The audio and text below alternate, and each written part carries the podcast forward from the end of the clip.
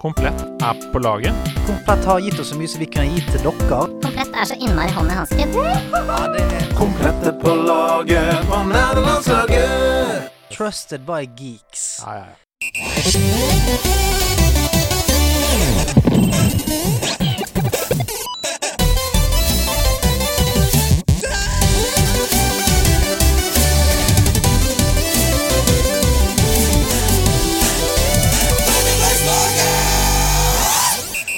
Ja, hvor enn du står, ligger, lener deg til, sitter i hockey Uansett hvordan du hører på oss nå. Hei til deg! Her er vi, og der er du, og rett foran meg så sitter han i en nystimet skjorte. Det har jeg aldri sett før. Til og med bildene av denne mannen har giftet seg, hadde ikke han en så stimet skjorte. Men i dag har han gjort det. Eh, Det er en stor dag for han. Andreas Hedemann. Bare én runde til! Ja. Bare én runde til! Er er instruksjoner på catchphrasen at du må si det eh, som en dritertrengt tiåring?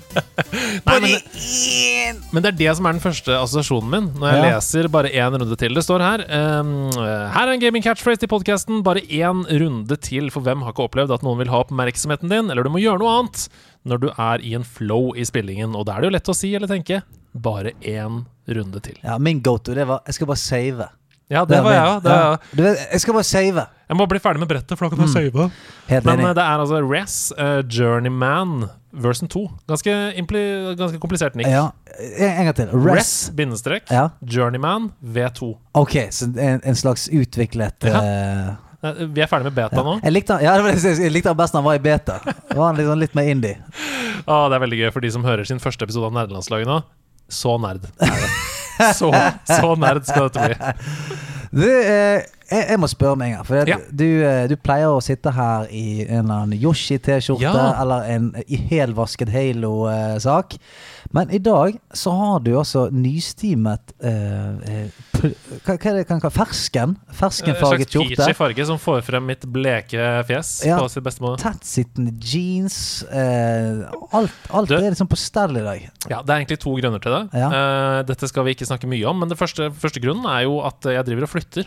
Um, så veldig mange klær er forsvunnet ut av hjemmet. Mm -hmm. uh, så jeg måtte bare ta der sånn eh, Hadde veldig få rene, gode T-skjorter. Så gikk i det andre skapet, der hvor det henger fine ting. Ja. Ja, Der hang det en skjorte. Ok, da tar jeg på den. Det var det første. Ok, Så du går for den 'det var dette som var reint', taktikken her nå? Ja, ja. Og for det, det sier litt. Ja, det sier når, det, når mine pene klær Det var det som var rett. Ja. Nei, men eh, Og for det andre så er det jo sånn vi driver og flytter inn i nye lokaler på jobb og sånn, og det kommer jo nye folk hele tiden og hilser på og, og sånn, så det er jo hyggelig å se litt ålreit ut, da. Ja. Ja. Derfor jeg, eh, jeg, jeg ble litt sånn nervøs jeg, når jeg så deg i dag. For jeg var sånn, Har jeg glemt at det skjer noe shit? Neida, er Kommer mer det at kronprinsen eh, på besøk? Eller hvorfor ser han sånn ut? Det er jo en slags kronprins som kommer på Det besøk. det. det, er jo det. Ja. det En slags TV-kronprins. Men, eh, men eh, det er eh, mer det at eh, etter Arbeidsdagene våre Mm. er jo hektiske, og jeg hadde ikke tid til å reise hjemom heller. Så kommer rett fra kontoret. ja, men det er jo friskt å være i en posisjon der folk blir eh, så såpass imponert. Eller satt ut. Ja, satt ut når du har på deg en- helt vanlig skjorte. Voksen persons skjorte. Jeg tar det som et kjempehint om at jeg må pynte meg mer. Åssen går det med deg? Du ser bra ut. Eh, Tusen takk. Mm. Du, nei, du, det går egentlig superfint. Ja. Eh, er i helt på oppløpssiden på dette her eh, sceneshowet mitt. Oi, oi, oi.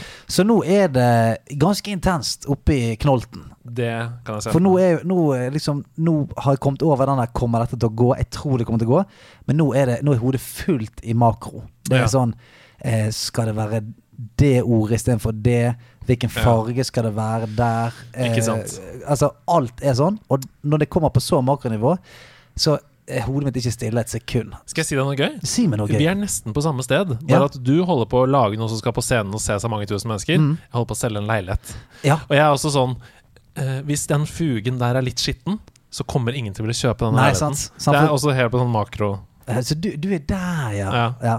Jeg er mer sånn Hvis den fugen er skitten og folk ikke vil ha den, da fortjener de den ikke. Da fortjener ikke dette Nei, huset. men det er visning på søndag og mandag, og etter det så skal jeg bli en vanlig person. Jeg, Ja, du, jeg er enig. La oss bli vanlige personer og få av oss skjorten og sånt igjen. Men uh, det er jo en ting til denne uka, mm. som det jo ofte er uh, her. Og det er jo komplett er jo fortsatt på laget. Det er de. Det er de. Komplett er på laget. laget. ble det gitt, så mye som jeg kan nå. Det er det. Jeg liker at du alltid tar min. Ja, men det er fordi jeg skulle ønske jeg var der.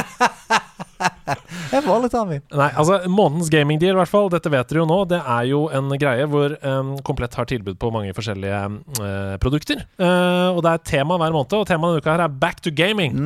Mange tenker back to school. Nei, eller back to, back to the gym. Ikke komplett. Back to gaming. Ja, back to gaming, man. Og høsten er perfekt for spill, i hvert fall for meg. Det har det vært hele livet. Det er jo få ting som er diggere enn å sitte inne og game når det pøsregner Ja. ute, som er jo en tid vi går inn i nå. Og som alltid så har jo du og jeg Vi har plukka ut tre produkter Ja. som vi mener er meget god verdi i kampanjen deres. Og det er veldig viktig for oss å si at det er vi selv som velger ut disse produktene basert på vår erfaring med de produktene. Ja. Det er ikke noe de liksom presser på oss. Vi, vi velger dette fordi vi mener det er bra. Ja. Eh, Så bare så dere vet det. Eh, og her kommer de. Og det første er da Jeg tror vi har snakka om det før, men det er TP-Link Deco M4 Yes. Mesh-system. Yep. Du har det hjemme? Yep. Jeg har det hjemme. Det er satt ned fra 1490 til 990. Ja, det er, det er en ganske bra deal. Er ikke det digg, da? Det er en ganske bra deal. Og så er det sånn, eh, for min del eh, det, må være altså, Alt som skal være sånn smart i huset, det må være equally så enkelt. Ja. Så her er det Altså, du har en app som du på en måte registrerer uh, Mesh-nettverket ditt på.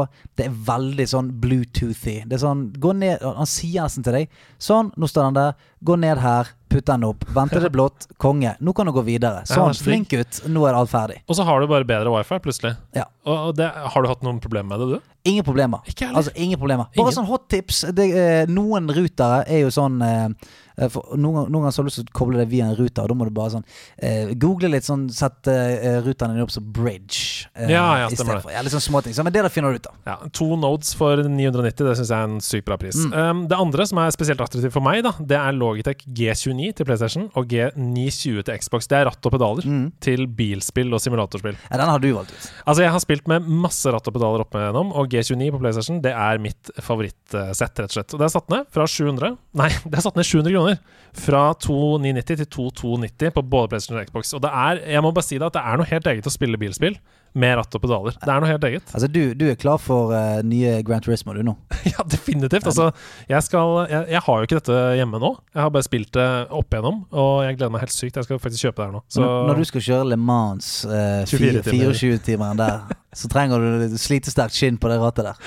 absolutt. Eh, helt til slutt så er det sikkert mange som trenger en skole-PC når de skal tilbake til eh, skolen nå, eller til studier, eller hva som helst. Og det som er digg, er at du kan kombinere det med gaming. Mm. Fordi Før så kunne du ikke det. Du måtte velge enten eller. Men nå finnes det ganske mange rå gaming-laptoper der ute. Og de har tilbud nå på en eh, laptop som heter MSI Katana GF66. Og det er ganske sjukt. Ja, altså, du hører det på navnet. Når, når, har- når noe har katana i navnet, så er jeg interessert. Bones of Tsushima, den Katana. Eh, det er, for det første så er den jo veldig slick og pen, den laptopen. Den har 5,6 tommer 144 hertz Mhm. skjerm. Eh, RTX 3050-kort. Ja. Og det må man ha på en skole-PC nå i disse dager. Så har den 2,7 gigabyte I5-prosessor, 16 giga RAM og 512 giga SSD. Men det sjukeste er at den koster 8900 kroner. Mm. Det er billig. Det er billig. Og eh, så tenker jeg, nå oppfordrer ikke vi noen til å sitte og game i timen, men jeg sier bare det er helt mulig. Det er, fullt mulig. Ja, med denne PC-en er det mulig. Ja, det er fullt mulig. Satt ned fra 11 000. Ja. Det, er, det er billig. Så det er kjempedeal. Masse laptop for pengene. Uh, back to gaming. Blir ikke noe stress, det. Det blir ikke i det hele tatt. Skal vi ta inn gjesten? Du, skal vi, eh, skal vi Ja, bare vi få? Nå har vi skvalret skvaldret som to gamle kjerringer nå, eh, lenge nok her om både skjorter og leiligheter. Skal vi få inn gjesten, eller? Er du klar? Ja. Ukens gjest var født 24.3.1982 og er TV- og filmanmelder i Dagbladet. Manus- og bokforfatter, regissør, quizmester og nerd. Jul bruker han til å ligge i badekaret med en god bok mens han popper i seg ukristelige mengder med julebrus og hans mors hjemmelagde ostekjeks. På den obskure fronten, obskure fronten ble han en mytisk figur i Norges Paradise Hotel-miljø som nettbrukeren Fiselin, der han var veldig aktiv på fora og etter hvert også recappet hele episoder til stor entusiasme fra fans. Han syns Rick and Morty er frastøtende og fabelaktig. Han syns The Green Knight er intens og irriterende. Og han syns Mats Mikkelsen er ultravoldelig og nusselig. Han har en dritmorsom penn, og jeg håper han aldri skal anmelde noe av det jeg gjør, fordi at han mest sannsynlig hadde lagt meg over kneet og kjendet meg med superlativenes bjørkeris. Dagens gjest er Kristoffer Pale! Hei! Wow, hei, Hei, hei, hei. for en intro. mange takk, mange takk. Godt å ha deg her. Veldig hyggelig å få være her. Du, før, eh, altså før vi setter i gang, så du er en, en sånn mann som både har gjort så mye og gjør så mye at, at man vet ikke helt hva man skal velge. Eh, for du er du, ja, du er forfatter, du er regissør, eh, du ja, lager morsomme ting. Og du virker som en sånn, sånn, som en rastløs type som har lyst til å gjøre alt. Eh, ja, det stemmer. Ja. Og ehm, prøver å øh, vekte det. Litt sånn øh, Få tid til å gjøre andre Eller altså ha fritid da, men det jeg, går ikke så bra. Jeg, jeg bare tenkte, prøvde å tenke gjennom hva, hva har jeg gamet i det siste. For det var et av spørsmålene jeg fikk på forhånd her. Ja. Og det ehm, er, er litt sånn skralt. Ja, det er livets spill, Ja, det er livets spill. Eh, men jeg gleder meg til å snakke om, det, snakke om alle spillene jeg ikke har klart å fullføre. Ja, vi skal komme oss, vi skal komme oss rett ned i kjernen. Men det som eh, jeg syns er veldig gøy, og, det, og som sikkert ikke så veldig mange vet, for det er ikke så veldig mange som vet hvem som regisserer ting, men altså, du har jo vært med å regissere en, en superhit på TV eh, det siste, og det er jo Kompani Lauritzen. Ja, altså det, eh, det er jo litt sånn diffus eh, Nå skal jeg bare arrestere deg Ja, men arrester gang. Ja, en men gang. Regi i den eh, Første sesong så var jeg med på regiteamet, og så var jeg med i redaksjon og konkurranseteamet i Mm. Yes. sesong to. Så det er helt meningsløse nyanser, for vi eh, gjør jo Vi er en svær gjeng Mm. som bare går oppå hverandre. La meg omformulere. Du er en hjørnestein i Kompani Lauritzen som de ikke hadde klart seg uten. Ja, ja. Du er Ritzen i Lauritzen. Wow! wow. Det og det er der vi skal ligge. Den har jeg ikke hørt før, faktisk. Nei, nei, det den kommer jeg til å stjele. Vi skal ligge der hele sendingen. Skal vi ligge der. Nei, men du, altså, du sier du er i redaksjons- og konkurranseavdeling. Så er det sånn at du vi, s- når man ser alle de tingene som eh, deltakerne skal ut i, så er det du har hatt en, en slags halvmorbid finger med i spillet på, på alt de gjør. Ja, det, det stemmer. Vi eh, er jo der oppe og lager det. Det er jo egentlig sånn som det ser Det er ikke så Altså, det er jo eh, arrangert, men det, det som skjer der, er det som skjer. De blir kastet ut til det. De er i militæret på ekte, og så eh, Eller altså på ekte og ekte, men de, de har befal rundt seg hele tiden. Og så blir de sendt ut til disse øvelsene og konkurransene og operasjonene, som vi kaller det. Og da eh, må jo det planlegges til Ja. minste lille detalj. Og det sitter jeg og gjør. Det kan man, kan man eh, dra det så langt og si at du driver litt med spilldesign? Vet du hva, Det har jeg faktisk tenkt. At Ja. eh, når, jeg, når vi er der oppe, Og det er jo noe av det morsomste å gjøre der. Hvis man f.eks. for eksempel eh, Jeg vet ikke om dere har sett det? Er noe jo, jo, har sett det. Er noen som har sett sett det. Det er noen som har sett. Altså, det er jo som Eh, et spill. Jeg spiser jo alt som er som et spill. Ja. Ikke sant? Men, men sånn som den, øh, den øh, Det oppdraget hvor de skulle være på den båten i fjor. Snik, infiltrere en båt. øh, der er det masse vakter. De skal løse noen koder her inne. De skal øh, hente ut solkortet til Dag Otto Lauritzen, som Tenker er du på åpningen av Metal Gear Solid 2? Er det det du ja, tenker det er på? det det er. Det er nøyaktig Ja, det samme! Ja, og, og da jeg, jeg har tenkt på det flere ganger hvor man liksom ser seg selv utenfra. Sånn, og nå driver jeg og lager øh, en live spillopplevelse.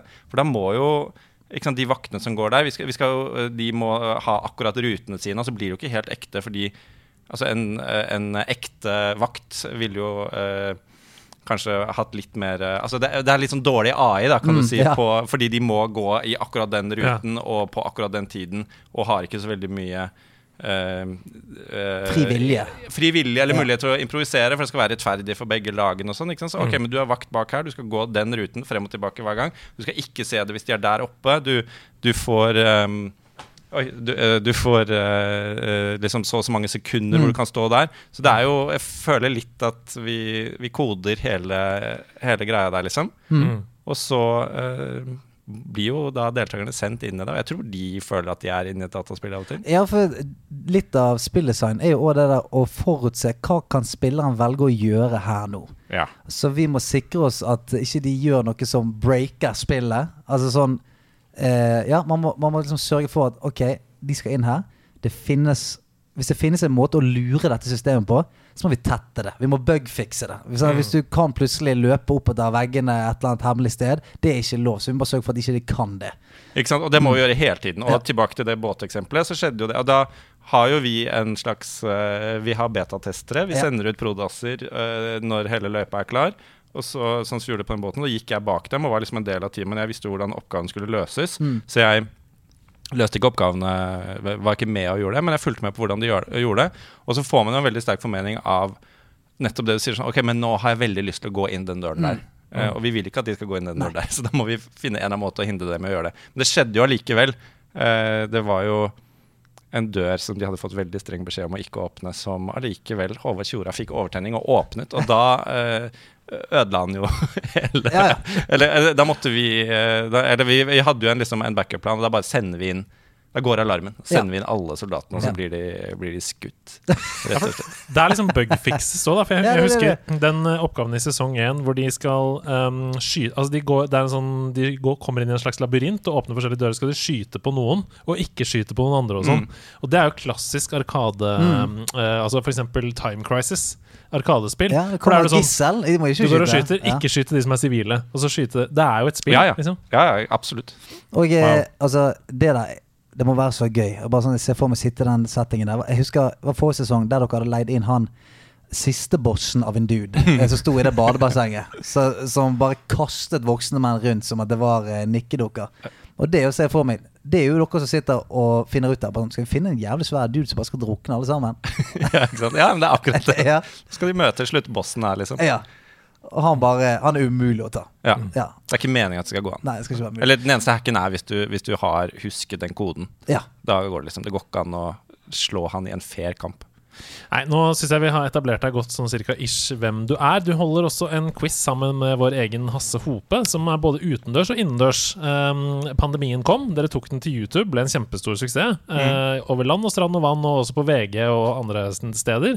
Uh, og nå er den utendørs igjen, på På Prinsen hage. På Prinsen, Prinsen hage, Hage som jeg har skjønt at det heter. Det er, man har lyst til å si Prinsens, men det heter Prinsen hage nede i sentrum. Og quiz er jo et spill.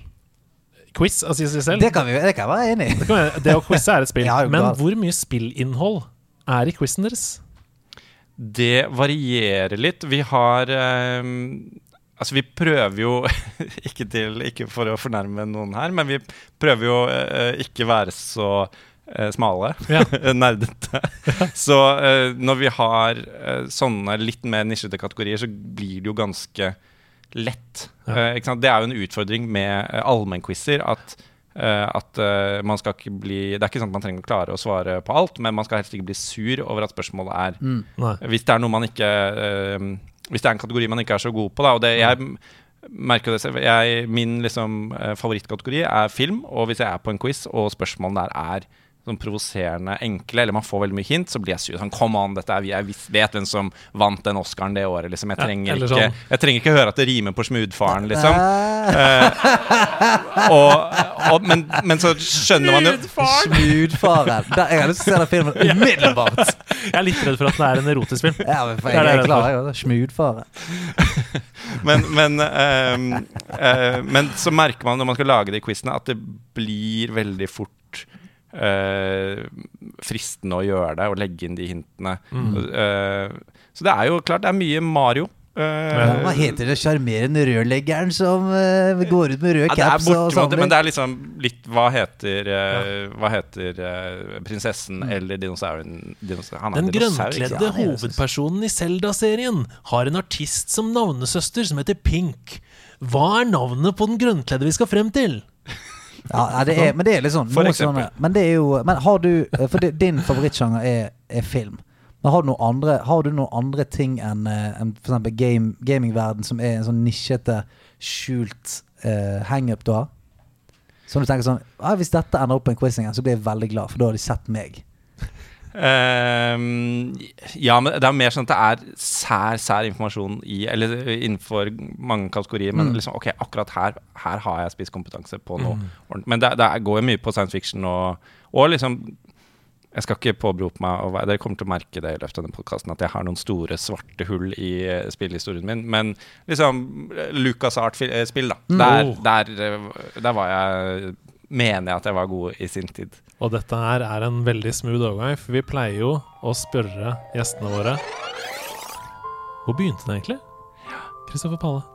Det begynte Jeg er jo da født i 1982, ikke sant? så da føler jeg at jeg fikk være med på den første, første um, reisen med spillkonsoller. eh, eh, Vi hadde Nintendo 8-bit hjemme. Naboen min hadde Amiga 500. Wow. Uh, og, og da min bestevenn uh, Eivind, naboen der, vi uh, var jo enten hjemme hos meg og spilte eh, Mario eller tilsvarende eh, spill, eller oppe hos han og spilte Bubble Bubble. Oi! baby. Og jeg tror jeg kanskje det er det første sånn ordentlige Og det, jeg mener å huske at vi allerede Og det, det er jo en, det er en annen tid. At vi gikk hjem Det kan ikke stemme, men at vi gikk hjem fra barnehagen uten, Altså vi gikk alene hjem fra barnehagen. Var nøkkelbarn, liksom. Hadde nøkkel eh, i, i skolisse rundt halsen. Og gikk kanskje litt sånn tidlig hjem derfra for å dra hjem til han og spille Bubble Bubble. Og vi var så gode.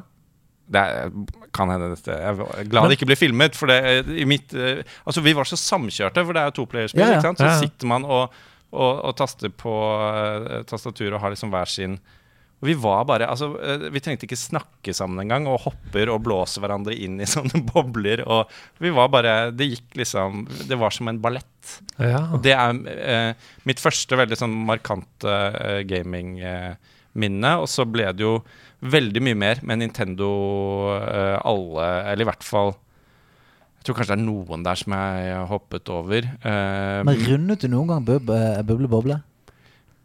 som det heter. Ja, det, han sier det konsekvent. Ja, men, Bøble. Buble Boble. Nei, men altså, vi, vi spilte det ganske mye når vi var kids, eh, Ja. og for da kom det ut på PlayStation 1. Ja. Og da, og da Jeg er jo fra Bergen, så vi sier french fries og, og alt det der. Sånn at da ble det Buble Boble. Så da eh, vi, vi spilte det jo helt sånn insane mye, og det, da mener jeg sånn Det var sånn 100 level. Ja, vi, vi kom Altså, jeg husker ikke om vi rundte. Jeg tror jeg tror typ det ikke var mulig å runde, men vi kom over uh, level 99. Var utrolig spent på hva som skjedde Mm. da. Og jeg har et minne om at det ble bare mye mer syrete. Eller Ja. at det liksom plutselig Og nå inverterte de fargene. Ja. Eller at det var Stemmer. bare en sånn Og de bare de går- bare lar deg fortsette. Det er samme brettene, men det går dobbelt tempo, eller Ja. en eller annen sånn greie, liksom. Det tror jeg stemmer. Ja, tror jeg For sånn gjorde man det på den tiden. Ja. De gadd ikke. Man flippet bunken, Ja. slengte på en ny farge, and here we go again. Men det kom jo fra Dette var jo på en måte Vi har jo snakket om det før, at Arkadespill Mm. var jo tidenes første mikrotransaksjonsspill. For Ja. det er jo utvilsomt en mikrotransaksjon når du putter på en ny mynt for å continue. Ja, det er sant? sant. Det er Og når du ikke har råd til mer, så må du gå hjem. Ja, for det er jo pay to win. For Ja, du kan, pay- du kan faen knuse inn og keep coins på Time Crisis. Uh, Ja, ja, Du kan bare fortsette hvis du er keen. Ja. Men, men ikke sant? Og det var jo De ville jo bare holde på spillerne. Og Ja. Det er jo grunnen til at f.eks. Pacman også, og Donkey Kong, da har jo ikke noe slutt med mindre du kommer til sånn at du kan ikke få mer poeng. Ja, Så det er det er ni, ni, ni, ni, ni, 9-9-9-9. ja. Det er bare å stoppe spillet. Ikke sant. Det er gøy. Ja, ja. Tenk at de var så kyniske. for Ja, Skulle ta pengene dere. Skamløst. Tenk at de vil tjene penger. Ja, tenk at de vil det! Hvem er det som På, vil det? på folk! Ja. På mennesker. Ja, men, men det, og nå jeg bare, jeg prøvde å tidfeste det, og det må jo være uh, 89-90 kanskje. Det kan hende vi gikk på skolen. Jeg, ser, jeg nekter å tro at vi fikk lov til å gå hjem det alene fra vært, hadde vært jævlig gøy. Du går i barnehagen og sier du, 'Hvis jeg går hjem, vil Ja, greit, det. Ha det bra. Har dere nøkkelen? Den er god. Det høres jo helt koko Ja, bare, bare gi en lyd. Men det var jo en annen tid, da. Altså jeg, eh, for jeg, når du sier det nå, så jeg gikk alene til skolen jeg, i første klasse. Ja, jo, men det gjorde jeg da vi begynte på skolen. Men, jeg, men også broren min, som er to år eldre enn meg, han kom og hentet meg i barnehagen. Ja. Eh, og det er jo Kjørte deg hjem. Det var en annen tid. Stjal en bil og kjørte meg. helt tider. Det var helt- Min storebror han var lærer i barnehagen. Han var åtte år. Hvor er det du er fra? Jeg er fra Ullern. Ja, så du har vokst opp i Det er i Oslo. Ja. Men det er rart, det var jo ikke noe farlig å gå på Ullern på 80-tallet. Det var- Kanskje det var farlig? Jeg vet ikke, jeg har ikke Nei, det ble, lokalkunnskap om Ullern. Det ble farlig på 90-tallet. okay. Altså, jeg, jeg eh, for, for, Før sommeren så skulle jeg hente min datter i barnehagen, og da så jeg noe helt sånn jævlig gøy. Som var nesten tatt ut fra en tegneserie. For det over, eh, over gjerdet, på liksom, litt sånn baksiden av barnehagen, så bare, var det to kids som bare flippet hverandre over gjerdet og bare begynte å bounce. Og det var bare helt nydelig å se, for der var det to showmen som bare Skal vi bare stikke, eller? De rømte. Ja. To sånn fireåringer som bare sånn Vi stikker. Og har klatret opp på noen greier og var liksom på vei av gårde. Det er stort. Ja. Altså, det var, nesten, det var nesten så du hørte liksom de der, de der sirenene i bakgrunnen fra når noen rømmer fra fengselet. Ja. ja, og så er lysene Ja, og de var liksom sånn over der og var klar til å løpe fra hønene, liksom. River av seg klærne. Ikke Ja. noe spor. Ja, ja, ja. Så jeg, hadde, jeg, tror, jeg tror faktisk hadde ikke jeg vært der i det øyeblikket og bare sånn Nei, du, jeg tror ikke dere skal over der. Så jeg tror jeg de hadde bare bouncet. For de, var, de var klar, de var lei. Ok, du sa Lucas Skulle spille Arts. buble boble. Ja. Rett hjem og spille Buble Boble. Um, ja, vi skal bare en liten stopp innom Nintendo Ja, først. For jeg perfekt. eh, tror eh, ikke PC ja, da, da er vi liksom kommet til 94 eller noe sånt, før Mm. PC-en begynte. Men så var det en fire-fem år Eller egentlig hele veien Nintendo, men da uh, selvfølgelig Mario og det- første spillet som fulgte med Nintendo 8-bit. Husker du det? Nei, Nei. Eh, For, for dette, du var ikke født engang da. Nei, nei, nei, nei. Eh, Var ikke det bare Ice Climber. Ja, Ice Climber, ja. Ja. Jeg husker coveret kjempegodt. Mm. Per Øyvind, min eh, kompis, hadde det. Eh, så, så det var egentlig et artig spill, eh, mener jeg å huske. Man Mm. spilte jo de Det var ikke så mange spill man hadde. Nei, nei, det var jo kjempedyrt òg. men eh, men eh, Mario-spillene og selvfølgelig Zelda, som er kanskje det største Som bare går som en grønn eh, tråd gjennom eh, hele spill, mm. spillopplevelsen Fra, fra det første eh, som kom, og helt til nå. Eh, og, og selvfølgelig alle Megaman og eh, det meste av de Nintendo-spillene der. Ja. Uh, og jeg husker, og det var, det var liksom en svær greie. Jeg husker da Super Mario 3 kom. Da hadde jo uh, Super Mario 2 var litt sånn det var, Da gikk de bort fra formen. Det var litt annerledes. Vet du hvorfor? Nei. Dette har vi nemlig snakka om Ja, ja. før her. Super Mario 2 er bare et reskinna japansk spill Ja, vet du, det har jeg hørt. som Ja. heter Doki Doki ja, noe sånt, ja. Uh, Adventure, eller noe sånt. Og så har de bare, fordi de tenkte sånn uh, Dette kommer ikke til å slå an i Vesten, så vi bare reskinner den fienden. Og så reskinner det, og så er Mario sånn og sånn. Og det er derfor Ja. den kan liksom grave sånn her bli, bli, bli, Grave opp neper og sånn. Ja, ja. Neper. Ja, det- det er kjempe Men, men også ganske sånn Det er, det er, litt, det er liksom litt mer fucka. Ja, det er litt eh, fucka. og, og litt mer sånn marerittaktig. Og jeg husker jeg syntes det var ganske fett. Jeg synes det var kjempeskummelt, det. Men det var veldig Altså Da Super Mario 3 kom, så var den liksom for, forventningen og forhåndshypen der var uh, i klasse I tredje klasse på Lysøy skole. Den sto i taket, liksom. Alle skulle ha det. Alle hadde spart uh, spare, i sine. Uh, og ikke sant, Mario har vaskebjørnkostyme, og uh, det var, kan fly, og det er liksom og, og det var jo et helt sykt fett spill. Altså, Eh, revolusjon. Ja, jeg, altså, jeg fremdeles, når jeg spiller Super Mario All-Stars, og den der, eh, scenen når du hører muldringen bak sceneteppet Ja. Skjønner du hva jeg mener? Mm. Altså, den, Ja, ja, og så åpner det seg, og så er du inne i spillet. Det, fremdeles er jeg sånn Den forventningen der hva, hva skal jeg inn og spille, den er der ennå. Og, eh, og skal vi si at nummer, eh, Super Mario nummer to er det eneste gangen en nepe har vært representert i Super Mario-universet. For det tror jeg. For det var til og med på coveret. Han står der med en nepe. Mm. Så er det aldri snakket om den nepen før eller siden. Jeg føler at nepe var ikke noe grønnsak vi hadde i de norske hjem heller, på den tiden. Jeg har forholdt meg ikke så mye til nepe. Nei, nepe, så var sånn eh, Folk var sånn Hva er denne mystiske asiatiske grønnsaken? Så bare kaster ut Hvor er det blitt av soppene våre? Ja, det er noe nepe. Mm. Ja, det er sant. Det var ikke sopp. Det var liksom mye sånne av de tradisjonelle tingene man forbandt med Mario, som man ikke fikk. Men det var så skummelt. Og Birdo som du måtte kaste egg på. Og så Ja, ja. Alt var Ja, nå fikk jeg litt, jeg fikk litt sånn åndenød bare av den musikken. Det trigger et eller annet primalminne. Eh, men vi spilte det jo Vi spilte det mye, og man var jo, man var jo ukritisk Eller liksom, man hadde forholdt seg jo ikke til om dette er bra eller dårlig. På, det, man på bare, dette er jo bare det det spillet er, og da må jeg gjøre, spille det. Nå kom jeg på en annen ting. Og det var at Du gravde opp reagensglass, og da du kasta dem, så ble de til dører. Ja. Hvis du gikk inn den døren, så kom du til skyggeverden. Ja, ja. Sånn parallell verden. Hører du dette? Dette er crazy. Det er ikke Mario. Det er så trippy. og, og Mario er trippy fra før i utgangspunktet. Eh, men uansett, nå har vi da kommet kanskje til 94 eller noe sånt, og da begynte liksom PC eh, Diskett eh, Mm, og floppy.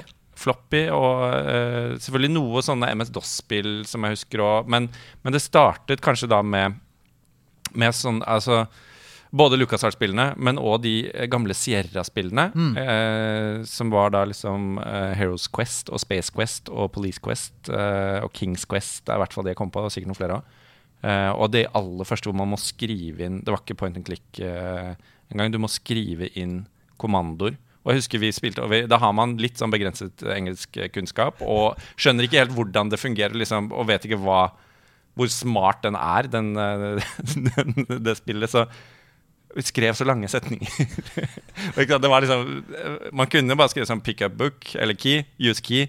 Men med sånn, skrev en liten, liten novelle. Ja, ja. Sånn, pick up the key that's uh, lying next to the there and use it in For å Pick up the, the sinister looking key that's laying awkwardly against Enormt ordforhold ordforråd. While the thunder booms outside. 13-åringene på Ullern. Enormt ordforråd. Walk quaintly over to the Forfatterspiller. man. Jo, men man lærte jo mye engelsk av de, både de spillene der, men også sånn SimCity. Ja, ja. Husker jeg En kjempefrustrasjon i det første SimCity-spillet var dette med at veiene gikk i stykker. Uh, og du fikk en sånn, en sånn varsel om at eh, Jeg tror, eller jeg husker den fortsatt, fordi den har etset seg inn i minnet, hvor det sto uh, 'Roads deteriorating due to lack of funds'. Og der er det mange ord som man ikke helt Oh, skjønner. yes. og, prøver, og, og, og så ser vi jo Ok, jeg skjønner. Roads, det skjønner jeg, og det har noe med det Det er noe dette- feil der. Men Den treken er noe varsel. deteriorating, hva betyr det? Du, due, hva er det? Og, og lack, har det noe med lake, vann og Er det Hvor skal vi, liksom? Og så er det bare Du skal skru den opp fra 80 til 100 sånn at uh, Så uh, det var jo et, liksom et nytt liv. Da man skjønte at jeg kan faktisk justere hvor mye penger jeg skal gi til infrastrukturen Ja. i Altså, byen min. Jeg, jeg husker den- den første sånne setningen jeg, jeg måtte virkelig sitte med ned og finne ut av hva, hva det var, for jeg hørte den 7000 ganger i løpet av en kveld. Og det er 'Unable to comply, building in progress'. Ja. Ja. Red alert. Hver gang jeg trykket 'Unable to comply, building in progress'. Jeg, Ja. Ingenting. Er, ikke Building! Jeg kan building. For meg er det nøyaktig det samme, Ja. bare at det var Tiberians Sun. Altså var Command and Conquer-serien. Ja. Unable to comply. Jeg skjønte ikke hvorfor jeg ikke kunne trykke Ja. mens og så, jeg, og så skjønte jeg etter hvert, da, av bare fordi praktisk det gikk opp for meg, at ok, fordi jeg bygger en base Altså jeg holder på å bygge noe annet, Mm. så kan jeg ikke bygge det. Mm. Og det var også det samme. Insufficient funds. Ja, jeg, jeg, bare, det, jeg tror ikke de snakker engelsk. Det er noe, jeg tror det er tysk. Det er noe det er russerne som snakker. Men det er gøy, det vekker sånne minner det- Fordi jeg har jo ikke hørt den setningen der på 20 år Nei, nei. Men jeg husker det bare Ja, jeg- Du, så- du trigger et eller annet Ja, i meg for jeg har heller ikke spilt det på liksom 25 år, men den setningen kommer jeg aldri til å glemme. Ja. For den, den hørte jeg tusen ganger, og måtte liksom aktivt inn. Hva er det for noe? Og så sånn ah, ja, ok, greit. Det er greit. Vi har en også, bare, litt i, i forlengelse av det første Eller da du åpnet med å si bare en, en runde til eh, Fordi eh, Jeg tror det var det første Starcraft-spillet.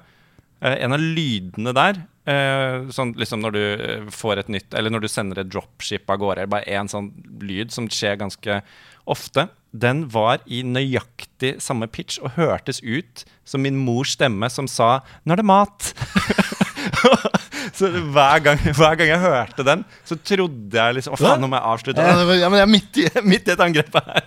Men, eh, så det er bare Altså, jeg bare ser for meg din mor sitter rolig oppe i stuen og hører nede sånn Ja! Ja. Litt til!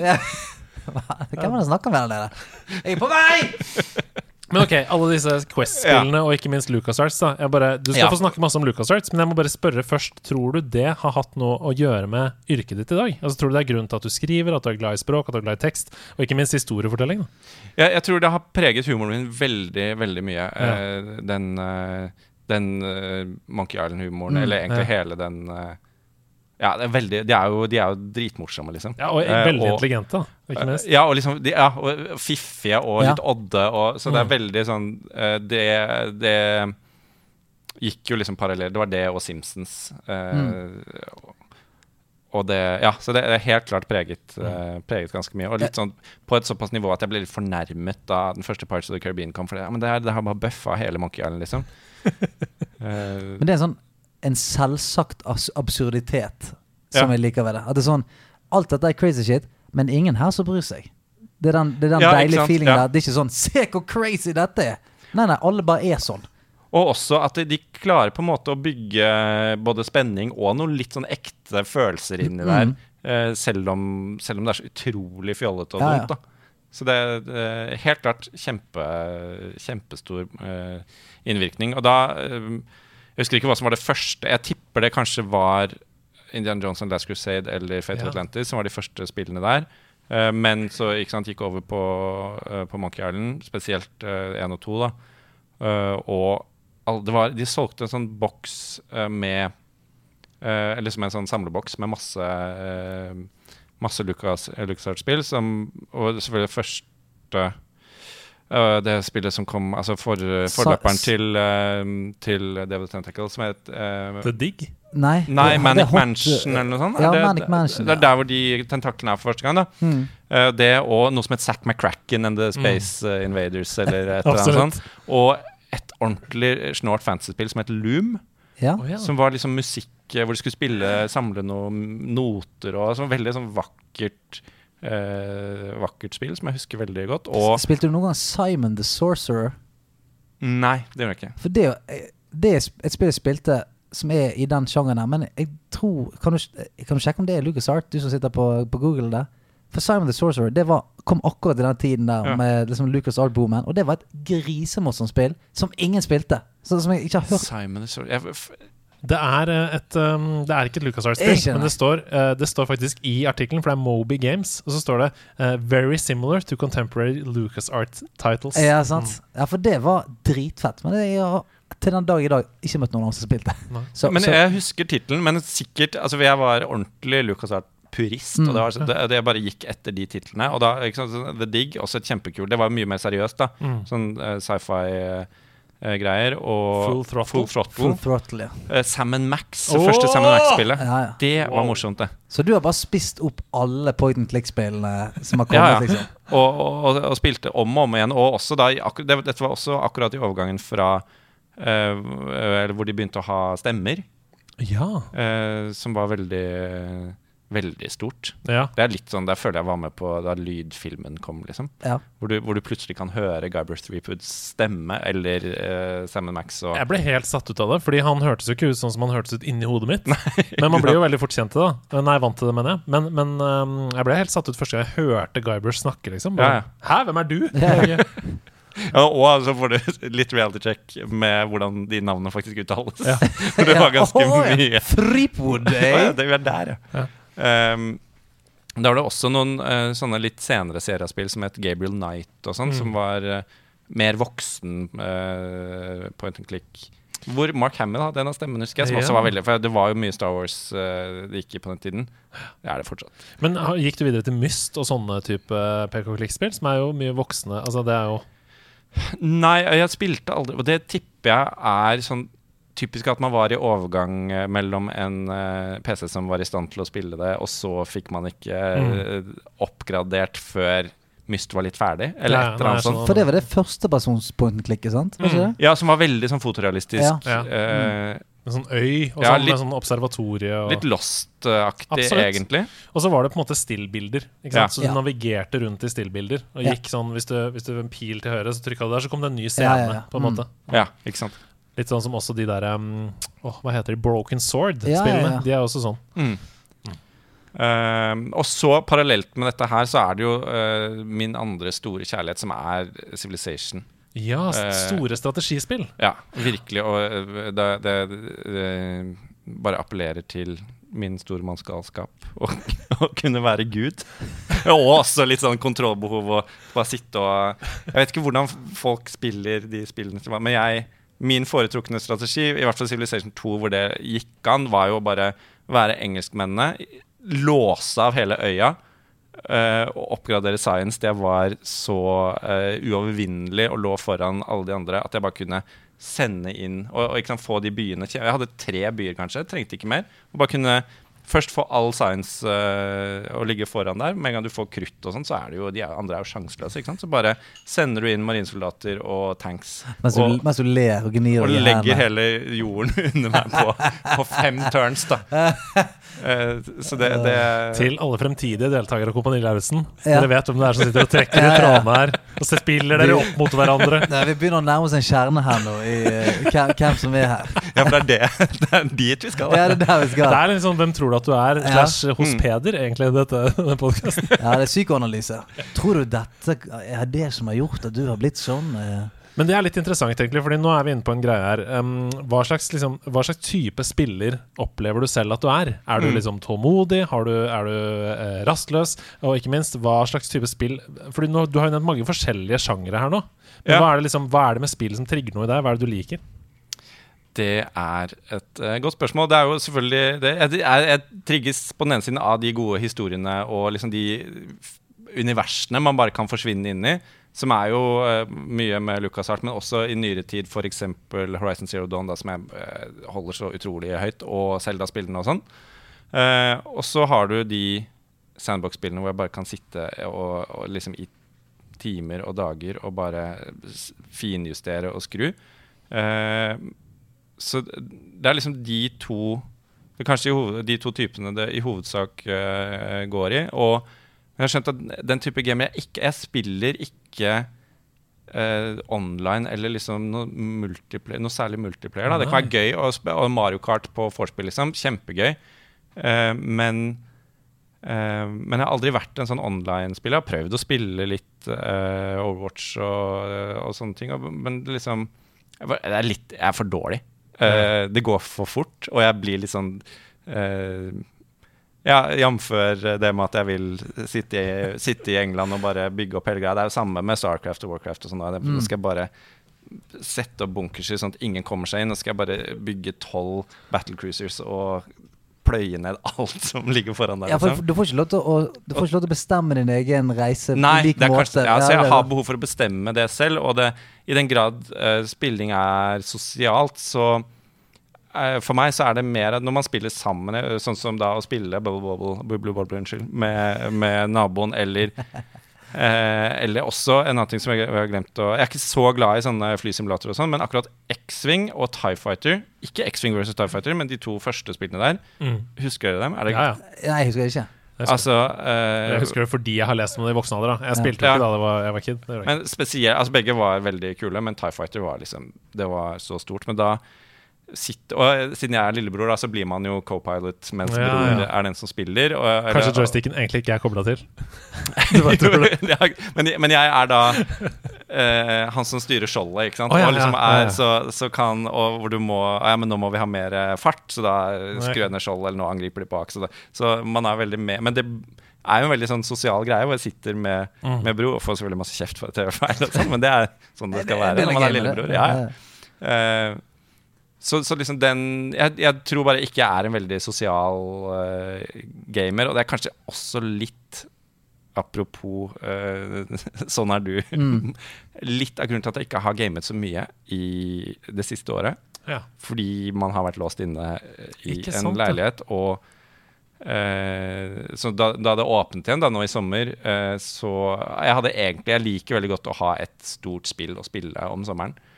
Eh, men eh, jeg bare merker at det ikke jeg funka ikke helt. Nei. Fordi det siste jeg trenger nå, er å liksom være mer inni ja, eh, ja. verden. Ja. ja. Jeg forstår det. Um, nå ble det dypt der. Nei, det, det, var, det var, ikke veldig dypt, det der. Nei. Jeg syns det var nydelig. Vi har altså det har vært tårer i dette studioet ja, ja, Oh, ja, ja, Fra alle, egentlig. Altså, mm. Jeg har hatt mye grining. Ja.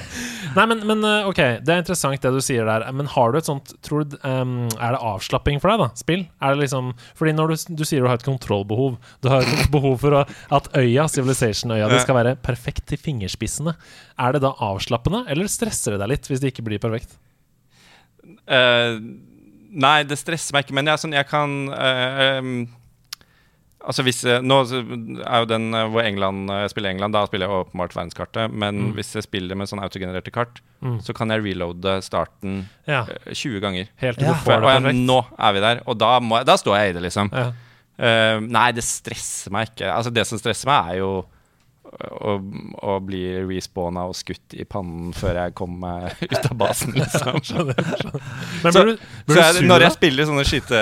skyte Nei, jeg blir ikke Jeg blir mer åh, Come on, gi meg en sjanse. Ja, liksom. jeg vil, jeg skal bare løpe rundt i periferien av slagfeltet her og være søt, ja, liksom. der. Jeg får, jeg får et lammende svart sinne. Det er det jeg får. Ja. Nei, det skal ganske mye til for at jeg blir sånn ordentlig sinna.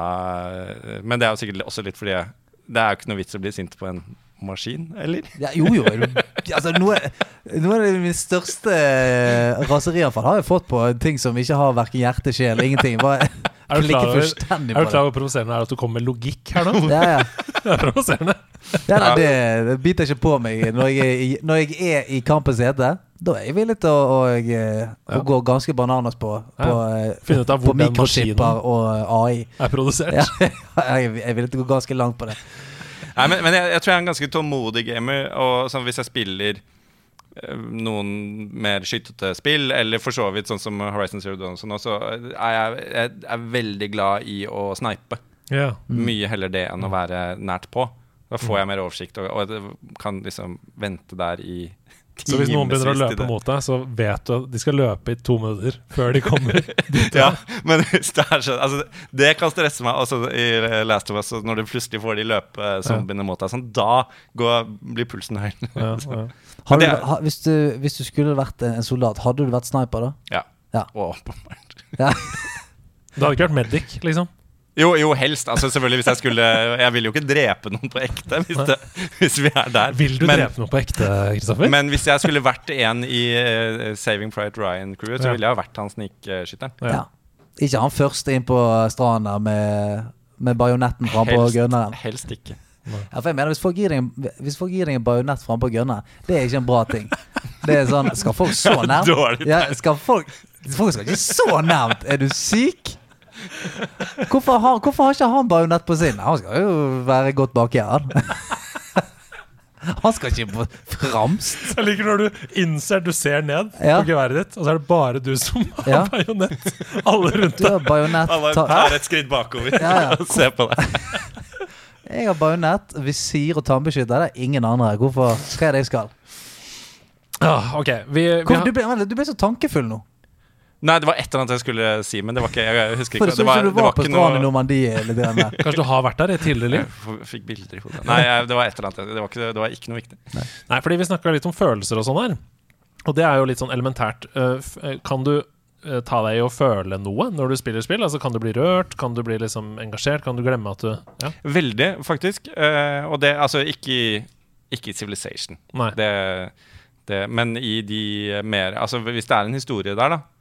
Eh, helt klart. Og sånn som ja, Last of Us og, Mm. og alle Hvis du bruker mye tid, og det, så blir man jo veldig Man blir inves- investert i det. Mm. Mm. Men jeg tror sånn, mest sånn emosjonelle altså, Selv på de gamle LucasArt-spillene, men de mest sånn emosjonelle Jeg syns det har blitt mye bra eh, historiefortelling. Og Mm. eh, Last of Us 1 Ikke så glad i Last of Us 2. Er det en, Mm. Kanskje jeg banner i Nei eh, si gamingkirken gamingkirken her nå? er det det? Altså, jeg syns det var et veldig bra spill, men uh, historien Ja, nei, bla, bla. Jeg skal ikke gå inn på Nei det. da, men, Jo, men- Men, men også Horizon Zero Dawn, da. Uh, Men- men som jeg si kommer det? til å komme Ja, tilbake til hver gang. Fordi, med Last of Us 2? Kan du ikke si det? Fordi jeg det bare er- si hvor, hvor rørt jeg ble av eh, Horizon Zero Dawn. Ja, jeg ble Ja. veldig rørt av det. Ja. Ok, nå Ja, perfekt. Nei, men fordi altså, The Last of Us 2 Vi har diskutert det en del her, for det er jo splittende. ikke sant? For Mm. eksempel Nick i Level Up ga det 7 av 10 og syntes Mm. det var mye dårligere enn det første. Mens andre har jo sagt Altså Hasse for eksempel sier 'jeg gidder ikke å diskutere med noen som ikke sier at det er det beste spillet som er lagd noensinne'. Ikke sant, sier Hasse. Så det er sånn Det er splittende. Men noen liker ikke strukturen på historien spesielt. Uh, jeg syns egentlig ikke strukturen er et pro- problem. Jeg synes, eller det er mer dramaturgien i det. Ok, ja. uh, og litt hva den faktisk melder til slutt der, da. For jeg, okay. eh, ja vi skal um, kanskje ikke spoile det, for det er såpass ny Det er ja, såpass uh, men, fresh. men altså, det er, helt, altså det, er, jo terningkast fem og en fantastisk spillopplevelse, og, og mye av selve liksom Uh, spill uh, Altså uh, brettene, kan du si, da, er jo mye raffere enn i eneren. Mm. Men eh, jeg tok meg i å tenke liksom, Hvorfor får jeg en annen opplevelse av dette enn av, uh, enn av eneren? Og jeg tror noe av det hang sammen med at uh, man spiller med uh, Eller at det er Ellie hun heter, ikke sant? Hun har blitt så ressurssterk, så god, ja. at jeg ikke er redd for henne. ja. Mens den nerven som du har, hvor du er Uh, er Åh, nå står det helt stille hva han heter. også. Joel. Uh, Joel. um, og skal beskytte henne eh, i eneren. Den var så sterk. Mm. Og i tillegg Og, og det, liksom det grepet de gjør når du et, Jeg kan spoile eneren, vel. Ja, Altså, jeg skal ikke spoile den ja, ja. Eh, hvor du mot slutten da skal spille som henne. Mm. Eh, ble, altså det, det var en veldig sånn sterk opplevelse hvor, Ja. du, hvor du føler virkelig hvor sårbar og hjelpeløs hun er. da Mm. Eh, Men det skal sies at i det første spillet så opplever du jo veldig mange firsts, på en Mm. måte, som du ikke nødvendigvis gjør i det andre spillet. da Altså du, eh, Ellie skyter med sitt første gevær, Mm. Ellie får se sin første person som dør. Eller, ikke sant? Det er mange sånne sterke ting. da som, Helt klart. Og det er, det, er en, det er jo bare rett og slett en sterkere historie, og som lander på et sted som eh, eh, både er veldig beinhardt og tankevekkende. Og jeg syns ikke eh, eh, at, eh, at toeren gjør det. Eh, at den prøver, men at den mer liksom edgelorder seg til et eller annet som Ja. ikke, Hvis det egentlig går inn og tenker på det, så ja, men hva sier den egentlig? Hva er det egentlig den har på hjertet? Hva er Mm. og, og også bare den uh, Det var veldig intenst uh, spillet helt fram til man Veldig mye av spillet foregår jo i en by, Mm. og når du er ferdig der etter det, så følte jeg at luften hadde gått ut av ballongen. Ja, da Og At det ble litt sånn generisk eh, og sånn på slutten òg. Så bare noe med hele den dramaturgien Ja, i det der. jeg hva Men òg bare at Nei, jeg, jeg, jeg, fikk ikke noe fikk ikke en stor uh, kunstopplevelse. Som jeg Ja, fikk. interessant, ok, ok, interessant. ok. Ok, eh, hva spiller du nå om dagen, da? Og da må jeg tenke liksom sånn Hvis du tenker siste halve året, da, eksempel. Ja, Ingenting? Ikke sant? Altså, det jeg prøvde meg på i, i sommer, etter uh, tips fra deres uh, Seb, uh, var Assassin's Creed, Valhalla. Ja. Og ikke, jeg har ikke et vondt ord om det spillet, men jeg bare kommer meg ikke inn i det. Jeg kan bruke litt tid på å komme meg inn i, inn i spill. Så, så, men det er litt av de grunnene som jeg nevnte, sikkert. Altså, det siste jeg spilte sånn ordentlig, er vel eh, eh, jeg Ghost of uh, ja Tsushima. Tsushima. Tsushima. Ja. Mm. Mm. Ja. Hva ja, syns du om ja, det? altså samuraispillet? Ja. Ghost of Tsushima. Det uh, syns jeg var uh, kjempestas. Altså litt ensformig etter hvert, kanskje. Men uh, liker liksom Jeg har funnet ut at det er en størrelse på liksom open world som appellerer til meg. Med en gang du er større enn det når du er, Jeg prøvde meg på Outer Worlds og, og egentlig liksom den type spill hvor du er det, det blir for mye, det blir for mange muligheter, og da blir jeg Det kan stresse meg. At jeg liksom For jeg liker å kunne gjøre alt. Ja, for, Eh. for Valhalla er jo et sånt type spill som du snakker om. At når du åpner mappet, så er det sånn Oh, holy shit Stix. Ja, ikke sant. Litt Uh, mm, det, men, men det var jeg bare mm, Jeg trives veldig godt med at det er masse muligheter og frihet, men at det er oversiktlig Mm. til en viss grad. Ja. Og at sånn, jeg har ikke behov for å for å liksom kunne smi mine egne våpen i veldig stor grad. Gøy å reparere dem og, og liksom pimpe dem, men, men ikke Ja. Nei, altså, eh, jeg, jeg, det forstår jeg veldig godt. Det forstår Men veldig du godt. har jo spilt uh, Tsushima. Kjenner du deg igjen i det? At, at kartet f.eks. er mer um, Hva skal jeg si uh, lettere å komme seg gjennom? da? Eller- Ja, altså det er jo, er jo det at når du har på en måte fullført storyen og sånt, og så ser du på mappet sånn Ja, skulle jeg tatt og rensket opp? Så er, føles jo det veldig, veldig overkommelig. ja. Eh, kontra ja, f.eks. Assassin's Creed Valhalla. At hver, hver eneste kilometer du går, så oppdager du 15 ting. Og tenker sånn ja, dette skal jeg, dette, jeg skal sjekke dette ut nå etter hvert. Og så har du plutselig spilt noen timer, og så åpner du mappet ditt, så er det sånn Å, wow. Jeg er sånn en tiendedel inn i spillet, og det er sikkert 170 sånne point of interest som jeg ikke har vært borte engang.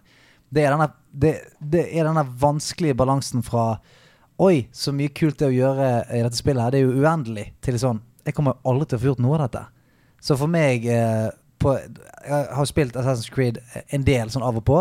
Og nå er jeg på det punktet at når jeg går inn der, så får jeg helt sånn eh, det blir, Pustebesvær. Ja, det er litt sånn Mount Everest-feeling. Det er Ja. sånn jeg, jeg, jeg vet ikke hvordan jeg skal angripe dette helt.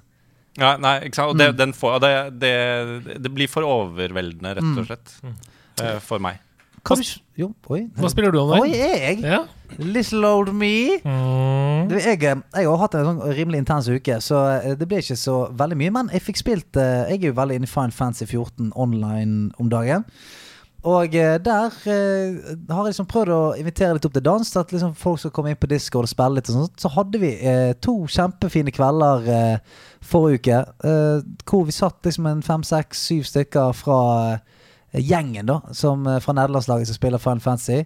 Og gjorde noe dungeon sammen og preiket litt drit. Og det var superhyggelig. Det tok meg liksom tilbake til den gode gamle eh, Ja, sånn wow-tiden. At man møter noen folk eh, online. Så faen skal vi preike litt drit der, da. Så preiker man med, med helt fremmede folk og blir litt bedre kjent. Og så dagen etterpå så er det liksom Ja, skal vi poppe innom og ta en dungeon? Og så blir man litt kjent, og eh, jeg syns det var superkoselig.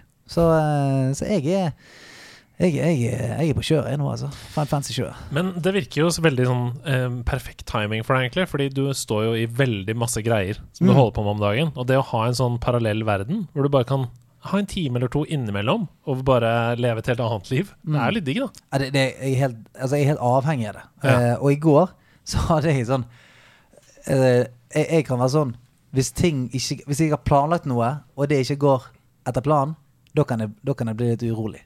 Sånn at for eksempel eh, Jeg var sånn Ok, nå jeg har noen møter og sånt eh, fram til klokken halv ti. Og da skal jeg, skal jeg spille meg en og en halv time. Bare liksom rense hodet litt før jeg går og ligger meg. Og så eh, var jeg ferdig i møtet halv ti, og så gikk jeg inn. Så var det sånn 700 i kø. Så jeg var nei! Ok, jeg bare håper den køen går fort over. Det gikk en halvtime, og sånn 200 i kø. Og når jeg først kom inn, så rakk jeg liksom å bare spille sånn 20 minutter før jeg skulle gå og ligge meg. Og da var, det var helt sånn, jeg var helt urolig. Lå, Mm. lå i sengen og sånn Nei, det er nå Nå er det noe feil, liksom. Nå er det noe feil. Jeg har det på Eh, akkurat samme måten.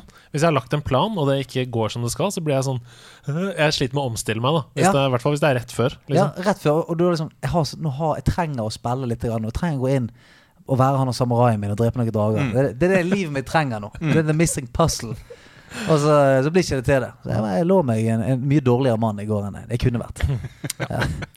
Det skal vi rydde opp i. Ja, Eh, hva jeg spiller om dagen, tenker du på? ja, ja. ja. Ja, for jeg spiller jo Du må, gjøre det må du gjerne si. Jeg tenkte jeg skulle dele det med dere, da, hvis det er greit. det? Eh, Jeg spiller eh, fortsatt en del mobilspill. Fordi vi er jo på en måte mellom to hjem nå. Som jeg sa i introen her, vi driver og selger leiligheten og skal flytte og sånn. Og mange av tingene er jo pakka ned og sånn. Så det er bare det, det mest liksom basale gamingutstyret som står oppe. PlayStation 5 er fortsatt oppe. Mm. Den skal ut i visning, for folk får ikke lov å ha på visning. Det? Det sier litt om nerdens posisjon, det. Ja, hæ? Hæ? PlayStation 5 får ikke lov til å være med på visning. Fordi det er for nerd? Ja, eller? fordi det er liksom Det er for stygt og stort. Fordi statussymbol er som å ha en stor diamant midt i Oi, det var fint å tenke på på den Ja, måten. ja. Ja, nei, jeg tror heller at folk tenker sånn ja, Det tar for mye plass i stua. Ja, samme Det, det. det liker jeg, at folk ser en PlayStation 5 i stuen og bare sånn Er det milliardærer som bor her? ja vel? Ja vel. Er det fiffen som skal flytte? Det skulle stått dato på den. Hvis Ja. det hadde stått uh, november 2020, Ja, ja. som det jo faktisk står på min, så hadde folk sagt ja vel! Ja. Ok, Here lives royalty, eh? Så jeg spiller uh, mye Heartstone. Mm. Jeg spiller mye Peggle, dette mobilspillet hvor du skyter en ball på eh, kjegler. Det har jeg snakka for mye om i, i dette programmet. Og så spiller jeg Jeg har begynt å spille igjen Candy Crush Soda Saga. Ja, ok. Og jeg, det er veldig avhengighetsskapende. Jeg, skjønner, altså jeg er på bane 500, nei, 430. På brett nummer 430 Mm. i Soda Saga. Jeg vet at det er rookie numbers for alle dere crushers der ute. Det vet jeg. Men uh, jeg har aldri brukt en eneste krone på det.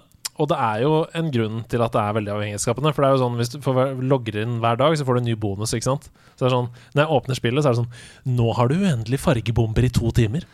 Og så, da tenker du Ja, da må jeg Da må jeg spille i to timer. Ja, ja. For nå har jeg uendelig ja, fargebomber! Jeg, jeg kan ikke komme på jobb. Jeg har uendelig fargebomber. Dere må gi meg litt tid. Ja, Så skjønner du jo fort at uh, når du logger inn dagen etter, så har du uendelig fisker. på en måte Så det, det, ja, det er ikke så Ja. enestående. På tide å investere litt penger det. Men det jeg vil snakke om denne uka her, det er ikke Candy Crush. Jeg vil snakke om at jeg har begynt på Skyrim igjen. Ja. Jeg har begynt på Skyrim. Ja, det er bra, det. Og jeg er nå en level 15. Bretton Spellsword har jeg gått for. Ja, Den. Den bilden der, ja. Så jeg healer meg sjøl. Mm. Slicer med one hand. Det er det. De som, hvis dere har kamera her nå, så ser dere hva jeg Ja. gjør. Vi, vi Se så du Jeg noen på pungen og slår noen andre samtidig. Det det. Det er det jeg gjør. Swing, swing. Men jeg koser meg skikkelig masse med det. Jeg har nettopp mosa meg gjennom Muzulft, som Ja. er en sånn uh, dwarven eh, dungeon der. Mm, Med din level 15 ball tickler. Bretton, Bretton, Ja, takk. sorry. Ikke fornærme min Bretton. Nei, ja, det var bare Hun heter faktisk Vera. Ja vel. Mm, Vera Vårgrønn heter hun. Nei, er det lov? Det det, vet du hvorfor? Fordi det lå et garn foran meg på bordet som het Vårgrønn. Kun derfor. Vera Vårgrønn? Vera Vårgrønn heter hun. Eh, og jeg hadde glemt eh, Det jeg har glemt med Skyrim Fordi det er veldig, Jeg har jo spilt det mange ganger, men det jeg hadde glemt, er hvor gøy det er å være underlevela i det spillet. Ja, og, og virkelig kjenne på Ja. trøkket når du går inn i dungeon. For det er litt Dark Souls-aktig. Altså Jeg dør masse, for eksempel, fordi jeg har gått altfor tidlig inn et sted hvor jeg ikke skal være. Og da må jeg liksom jobbe for å komme meg videre. Jeg må benytte ulike strategier. Prøve sånn hm, Nei, det gikk ikke. Ok, da kan jeg prøve å ha en uh, summoning circle der med noe healing. Og så kan jeg prøve å lokke de bak den mens jeg går Ikke sant? Du må prøve mange strategier, da. Mens mange spiller jo Skyrim bare sånn at de går rundt og gjør masse dungeons helt til de er så overlevela at de kan bare puste på folk, og så bare slicer man gjennom historien. Ja, Liksom. for det- sånn, jeg, jeg spiller sånn. Ja, det skulle du si. Det, jeg tipper du er sånn Du har ingen problemer med å være level 50 og gå i sånn level 5 dungeons og bare sånn Fy faen for noe. Disse, disse, disse bøyer seg ned for meg. Altså jeg ble, da jeg spilte Breath of the Wild, så ble jeg ble eh, så skuffa da jeg omsider gikk for å ta genen. Ja, ja. For Jeg, bare jeg et, var han det. Men det blir jo Altså, alle spiller jo bare det spillet i stykker. Og sånn, jeg får ta han på slutten. Og så er det bare sånn Du rir på den hesten, én pil blir da død. Okay, Ok, men um, Så det siste jeg har fullført nå, det er Bards College. Som er en questline som er i Solitude, hvor du kan bli sånn bard. I lived a humble man in this world Så nå er jeg endelig bard igjen. Um, men jeg vil bare si uh, før avslutningsvis grunnen til at jeg i hele tatt begynte på dette spillet, det er jo fordi jeg trenger The Elder Scrolls 6. Altså Jeg trenger det neste spillet i Mm. denne serien. Eller Starfield. Eller, altså Jeg trenger et Betesta RPG. Mm. Ja. Og ikke et MMO. Jeg trenger et RPG hvor jeg kan sitte alene for meg selv og være usosial. Mm. Og være bard, blam, blam, blam, blam, for eksempel. Være Vera Vårgrønn. Være Vera alter Vårgrønn. ego. Ja, Uten at noen dømmer deg for det. ja nettopp. Sånn som dere gjorde her nå. Ja, men det nettopp. var, var Dere måtte bare- til og med se vekk! Dere turte ikke å se på meg engang. Ja, men det var, eh, det var noe sånn herlig naivt og fint med det navnet. Ja. Altså, ja Hva skal hun her hete, hun her som skal ut i verden nå? Vera.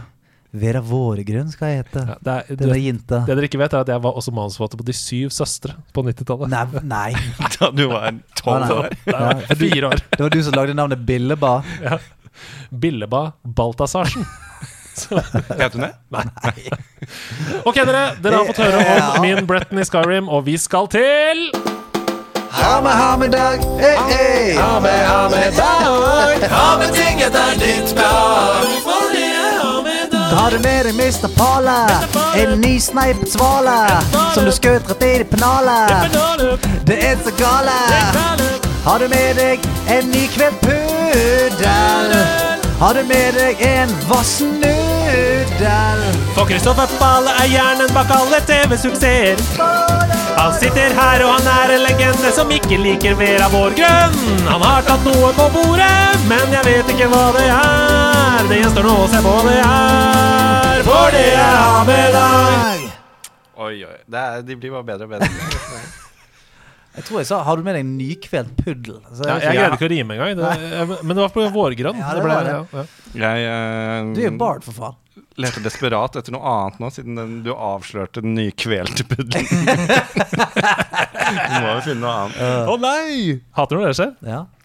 Um, Hamedag det eh, er ikke direkte gamingrelatert. Det er, jeg vil si det er i aller høyeste grad uh, nerderelatert. Oh. Og rørende. Det er Oi, rørende. oi. Og vi skal foreta en reise, bokstavelig talt, og uh, tilbake i tid til Jeg tror vi skal til 1992. Um, til VHS-ens tidsalder. Oi. Dere vet hva VHS er. Hvor, hvor gamle lyttere har det? ja. Ja. Altså, jeg har tatt opp Matrix på VHS. Så. Før DVD, Betamax. kjære lyttere, så var det noe som het VHS. Um, min mor Altså, jeg var ti år da. Min mor skulle på uh, sånn uh, venninnetur, heisatur, til London. Eh, og jeg visste at de hadde mye De hadde stort utvalg av VHS der. Det hadde de ikke i Oslo på den tiden, kan jeg fortelle. Eh, og en annen ting som ikke var så lett å få tak Eller altså for, for en tid. Dette var jo før Altså, Star Wars var nesten helt eh, Det lå nesten helt sånn brakk. Var, de begynte å komme litt med litt uh, spill, og så kom disse bøkene til Timothy Zahn som gjorde fikk, at det fikk en liten sånn revival eh, der. Det, men dette var vel til og med før X-Wing-spill og sånn. Uh, men det var liksom ikke noe sånn Men jeg hadde sett dem jeg, uh, da jeg var yngre. Hadde, var fortsatt veldig fan, men uh, hadde Eh, hadde på en måte ikke forholdt meg så mye til Star Wars på eh, en del år, da. Halve livet mitt, som var sikkert fire år, men um, Men så skulle mamma til eh, London og uh, visste at jeg var ekstremt keen på å se Star Wars igjen. Uh, og det hun tok med seg da, var Jeg har bare tatt med den ene, men uh, hun tok med seg alle tre Star Wars-filmene på uh, VHS. Og Altså, den coverarten der er fantastisk. Det, er, fanta- det er ikke originalcoveret, tror jeg, til Drew, Drew Struzan, men eh, det er et ordentlig, ordentlig tacky-cover. Det Ja. er litt sånn er- seksualisert. Det er mye bar overkropp, Luke og leir. Er det det er noe He-Man over Eh, det? ja, Du det er altså det. Darth Vader i bakgrunnen her, så har du Luke, som du sier, i uh, et, Den bare overkroppen hans sprenger seg frem Ja, i bildet. Uh, og han har en lys, et lyssverd opp i himmelen som, da, Lys faller opp i himmelen. som lager et slags kors, som jo er selvfølgelig en eh, metafor. Som vi alle vet, så er jo han Jesus i denne fortellingen, Ja. Og så videre. Eh, og så men- er Leia foran, da. Hun er veldig sexy. Har en eh, light sånn blaster i hånda. Ja, det er, det. men dette her er jo helt det, altså Disse VHS-ene hadde jeg en eller annen gang. Og eh, for jeg, jeg fikk eh, 200 VHS-er av min onkel da han skulle flytte inn med eh, ladyen sin. Og da eh, var disse her med i, i, i lasset. Og jeg, jeg syns denne lyden her også er sånn som bringer minner. Den, Ja, bare den der lyden av Mm. Og lyden av Bare lyden av Å, vet du hva? Eh, Trykk ned den derre um, flappen som er på toppen. Jeg vil ikke ødelegge den. Nei, bare, bare lag litt lyd av det. Sånn. Den. Åh, den er digg. Det er, eh, det They er don't make them like this anymore. Men dette er jo da så Det står uh, Special Edition der, men det er jo Det, det, det der er jo fire år før uh, den famøse spesialutgaven. Det de sikter til, er at det er en special widescreen edition. Fordi den er uh, i widescreen, som ingen uh, VHS-er var på den tiden. Det visste jo ikke jeg. uh, skjønte, men skjønte etter hvert. Det var liksom Så det, var, det var mye oppvåkning i, i disse uh, disse VHS-ene. Både at jeg skjønte Å ja, det eh, vanlige VHS-er kapper av halve filmen fordi de ikke vil ha de svarte eh, svarte greiene opp og Mm. nede. Og i tillegg så har jo et, Dette har jo blitt et, et eh, klenodium som man ikke får tak i lenger. Dette er originalene. Dette er de ubesudlede originalfilmene. Wow. eh, uten noe eh, CGI-effekter. Så de har jeg. Eh, på på. VHS, riktignok, ikke på laserdisk. Det er jo de, de er ganske mye eh, verdt i Ja, kanskje, men eh, jo. Ja, kanskje Vi, jo, vi sier det. Vi, Ja. er fantastisk. Ehm, så, og eh, Jeg tenkte jo ikke over det da, men eh, at min mor, som ikke har noe peiling på disse tingene her, liksom, uh, tok seg bryet med å finne disse filmene i London på venninnetur. Og tok dem med hjem. Eh, gjør meg, det gjør meg veldig varm i hjertet. Og et lite sånn budskap om å backe Mm. interessene til barna deres. Helt, helt enig. Helt, helt enig. Du har jo posene full av flere ting. Er det bare skift og Det er en genser, og så er det Jeg tok med Jeg er veldig glad du eh, spør nå, for da slipper jeg å gjøre det selv. Det er bøkene mine. Jeg har tatt med bøkene. Oi! Ja, ja, det Det tenkte ding, dere- ding, ding. Annonse. Ja, ikke sant? Annonse for egne bøker. Jeg tenkte jeg vet ikke hva dere vil gjøre med dem. Å, skal vi få dem? Ja, selvfølgelig! Vi har lyst til å lese dem. Eh, det, det Ja, for dette er jo Casa Tycho-serien. Det er som- Casa Tycho-serien. Som er eh, barne- og ungdomsromaner. Sci-fi-romaner som Mhm. Kristoffer har skrevet, og som har fått kjempegod kritikk hver gang det kommer en ny bok. Uh, og det sier jo litt. Uh, du må jo pumpe disse ut, fordi de er så høy etterspørsel. Det har kommet med tre nå. Ja, så der har du hele trilogien, ja. Den, eh, den tredje kom nå før sommeren, og de er jo uh, Det er jo eh, sci-fi åpenbart i Star Wars-landskapet. Det er så rått, det. Altså, Så, først, som jeg tenkte kunne gjøre seg i nerdenes høyborg. Ja, Ja, da, også- de må stå i hylla, selvfølgelig. men så liker jeg dramaturgien du har lagt litt opp til her i, i Hammedagen. Sånn, her er Star Wars, et mesterverk. Når vi snakker om sci-fi-mesterverk. I, i Her- trilogiform. Ja, ja, her kommer noen andre. Som du faen ikke får tak i lenger. Nei, Som sagt, er veldig glad for at du tok det opp, så jeg slapp å gjøre det. Superfin ha med-dag. Tusen takk, Kristoffer. Vi skal videre. Tusen, tusen hjertelig.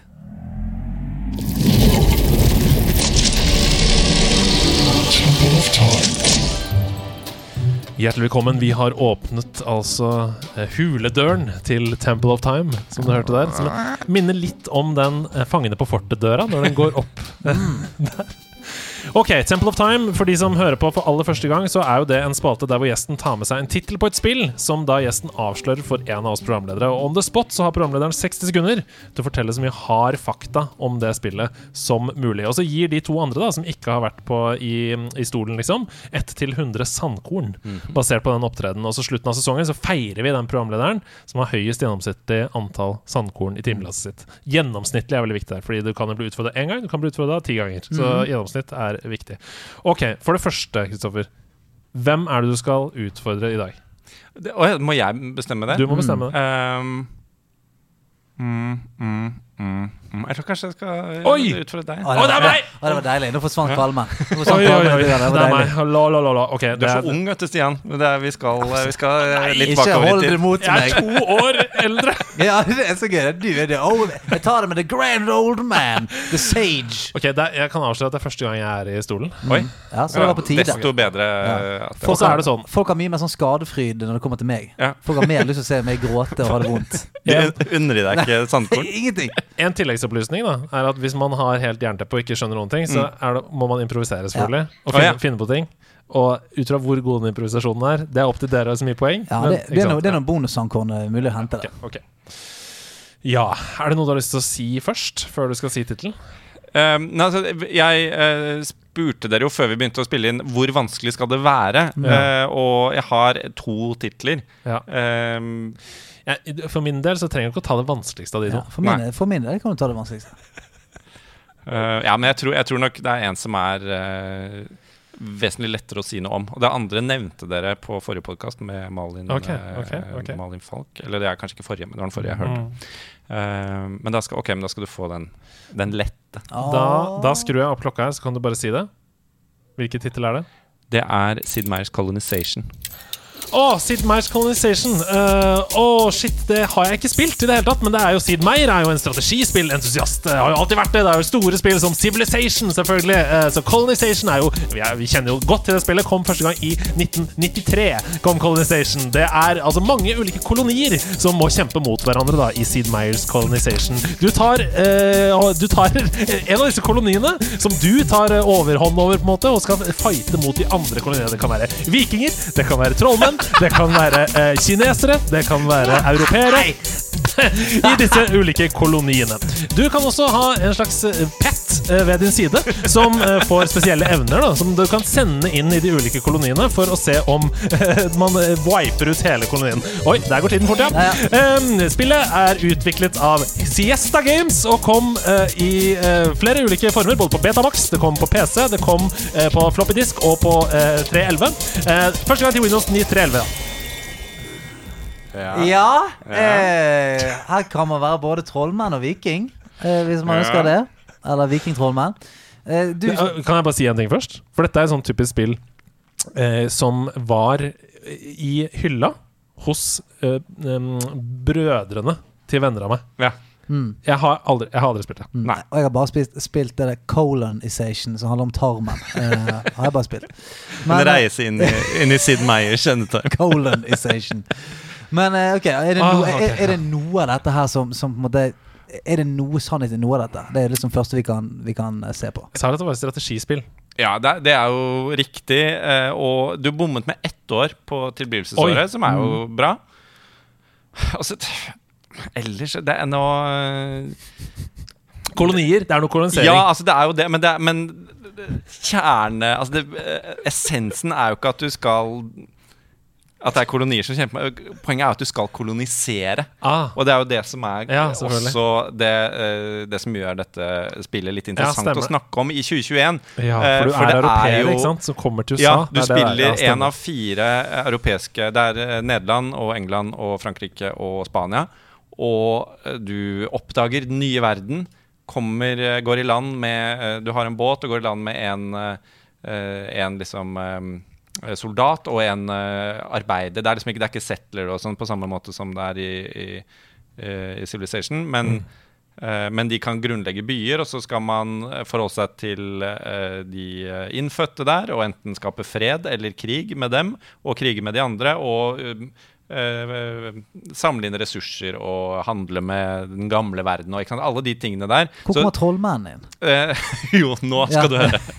Det er ingen trollmenn. Nei, sant? Nei. Nei. Ja, Du har ikke noen egen pet som du kan sende inn for å jo, akkurat det har du. Det er en slags Pokémon, så du kan eh, Men jeg, wipe ut de andre jeg synes jo der begynte du å å bevege deg fint over på impro, eh, fint improlandskap der, da. Ja. mm. Men fram til det så var det hårreisende dårlig. Ok, så, det, så uh, infoen, uh, stammen av info her, den er råtten. Uh, mens paddingen av impro er, er grei. Ja. Ok, så, så eh, fra 1 til 100, hvordan vil du da eh, Altså, hvis du skal finne det i ditt hjerte og gi en reell anmeldelse av det 1 til 100. Eh, men, men eh, skal jeg bedømme på innsats og innlevelse? Her, her, sånn, igjen, da. Eh, du kan redde inn litt på Ja. improen. Men jeg tenker at eh, hvis ikke det er noe som henger på greip i det hele tatt, så, Mm, eh, Nei, dette er så, så faller denne spalten på sin egen urimelighet.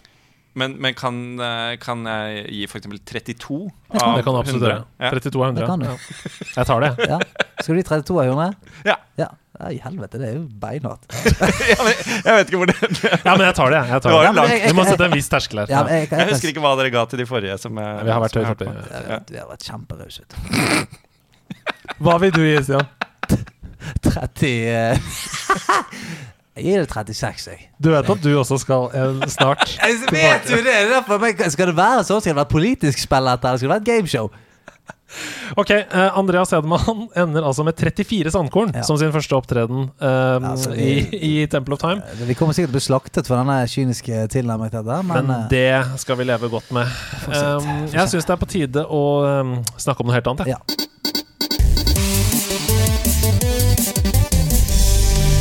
Bare én runde til! Mitt navn er Andreas Hedman, og dette er Nerdenytt. Etter måneder med rykter og spekulasjoner så har Kotaku lært av kilder at Rockstar Games remaster tre klassiske Grand Theft Auto-spill. For øyeblikket så ser det ut til at disse spillene vil bli utgitt senere i høst til en rekke plattformer, inkludert Nintendo Switch. Ifølge kildene utvikler Rockstar remasterede versjoner av GTA 3, Vice City og San Andreas. Alle disse tre spillene blir remasteret med Unreal Engine og vil være en blanding av ny og gammel grafikk. Brukergrensesnittet for spillene oppdateres også, men vil beholde den samme klassiske stilen. Ingen detaljer ble delt om gameplay, men Kotaku har blitt fortalt at disse remasterede titlene prøver å holde seg så tro mot PS2-epoken av GTA-spill som mulig. En sikkerhetsekspert som går under navnet Dr. Bricks, fant et smutthull og Steam denne uka som gjorde det mulig å fylle uendelig med penger inn i Steam-lommeboka. Etter at Dr. Bricks meldte inn feilen gjennom dusørjegertjenesten HackerOne, så fikk vedkommende kjapt en dusør fra Valve på litt over 65 000 kroner. Eh, vi håper å høre mer fra deg i fremtiden, skrev Valve-representant John P til Dr. Bricks i et svar på hans rapport. Med andre ord 65 000 og potensielt jobb i Valve der, altså. Det lønner seg å grave. Alle de 30 mest butikksolgte spillene i Japan i forrige uke var Nintendo Switch-titler. Og det er første gang hele topp 30 er fra én enkelt konsoll siden november 1988, da topp 30 kun var Famicom-titler. På begynnelsen av 90-tallet var det ikke så uvanlig at topp 30 besto av en kombinasjon av f.eks. Famicom, Super Famicom og Gameboy, altså alle Nintendo, men det var aldri kun fra én konsoll. Dette er enestående, og første gang alle 30 spillene er fra det samme systemet siden topp 30 begynte å regne med alle plattformer. Ut av ingenting så slapp plutselig utvikler Tom Happ spillet Axiom Verge 2 på Switch, PS4 og Epic Games Store onsdag i forrige uke. Det første spillet i serien er et fantastisk Metroidvania-spill som gjør seg aller best i håndholdt versjon på Nintendo Switch og har 87 av 100 på Metacritic. At det er laget av én eneste person, er nesten ufattelig. Oppfølgeren er altså ute nå, så hvis du likte det første, go get it! Hvis du ikke har spilt det første, så spill det først for å finne ut om du liker serien. Og så er det ukens hovedsak. Og her er jeg nødt til å liksom bare være litt um, nøye. Så jeg, har, jeg har på en måte nesten skrevet et manus før dere slipper til her. Ja, ja. For, fordi det involverer oss i nederlandslaget. Wow. Og vi skal ikke snakke altfor mye om denne konkrete saken, fordi motparten er ikke her for å kunne forsvare seg i denne saken. Men eh, saken er denne her. Og det er at Det internasjonale e-sportforbundet De har lagd et offisielt VM i både eh, Counter-Strike, Global Offensive, altså CSGO, og Dota 2. Og det går i sta av stabelen i midten av november. Men i forkant av det så vil det være nasjonale kvalifiseringsrunder. Og eh, Norges e-sportforbund de la denne VM-kvalifiseringen i Norge til Oslofjord Convention Center, som er en arena som er eid av Brunstad Christian Church, eh, heretter kalt BCC, som også da er kjent som Smiths venner. Og denne organisasjonen den har kontroversielle synspunkter på bl.a. homofili, eh, noe som var tema i en Brennpunkt-dokumentar fra 2020, og som er ganske tydelig dokumentert på BCC sine egne nettsider. Så det er liksom ikke, det er ikke usikkert om de har kontroversielle meninger, det står på nettsidene deres. Eh, Laget Apex var blant de første som tok avstand fra denne koblingen mellom arenaen og kirken, og trakk seg fra turneringen. Mange fulgte etter, inkludert oss i nerdelandslaget, fordi Hasse skulle nemlig være programleder for hele turneringen. Eh, og vi skulle også ha et liveshow mellom semifinalen og finalen. Det er ingen av oss som visste om denne koblingen før Apex eh, brakte lys på situasjonen. Så har vi fått mange positive reaksjoner på at vi trakk oss fra det, men vi har også fått noen negative. Blant annet fra medlemmer av Smiths venner, som er lei seg for at vi tar avstand. Som føler at de kanskje ikke hører hjemme på nederlandslaget eh, lenger når vi tar avstand fra det. og det er veldig forståelig. Og Derfor så har vi et behov for å si noe om det. Og det som er viktig for oss å si, det er at på nederlandslaget så er alle spillere. Og ingen sitter på benken. Det er liksom vårt mantra. Og det synet vårt da på hvordan vi ønsker at samfunnet bør være, det fører til at vi ikke kan gå med på å delta i et arrangement der eierne av arenaen har holdninger som ekskluderer noen pga. medfødt legning. Eh, så vi kan ikke ta imot honorar for organisasjonen, f.eks. Eller vi ønsker heller ikke å være med å renvaske de holdningene. Og så akkurat som at man ikke stemmer på Rødt for eksempel, eller Høyre dersom man ikke er enig i det de mener, så praktiserer vi da retten til å ikke stille opp for organisasjoner som står for et menneskeverd som vi er uenig i. Men det betyr ikke at vi ikke kan dele kjærligheten for gaming.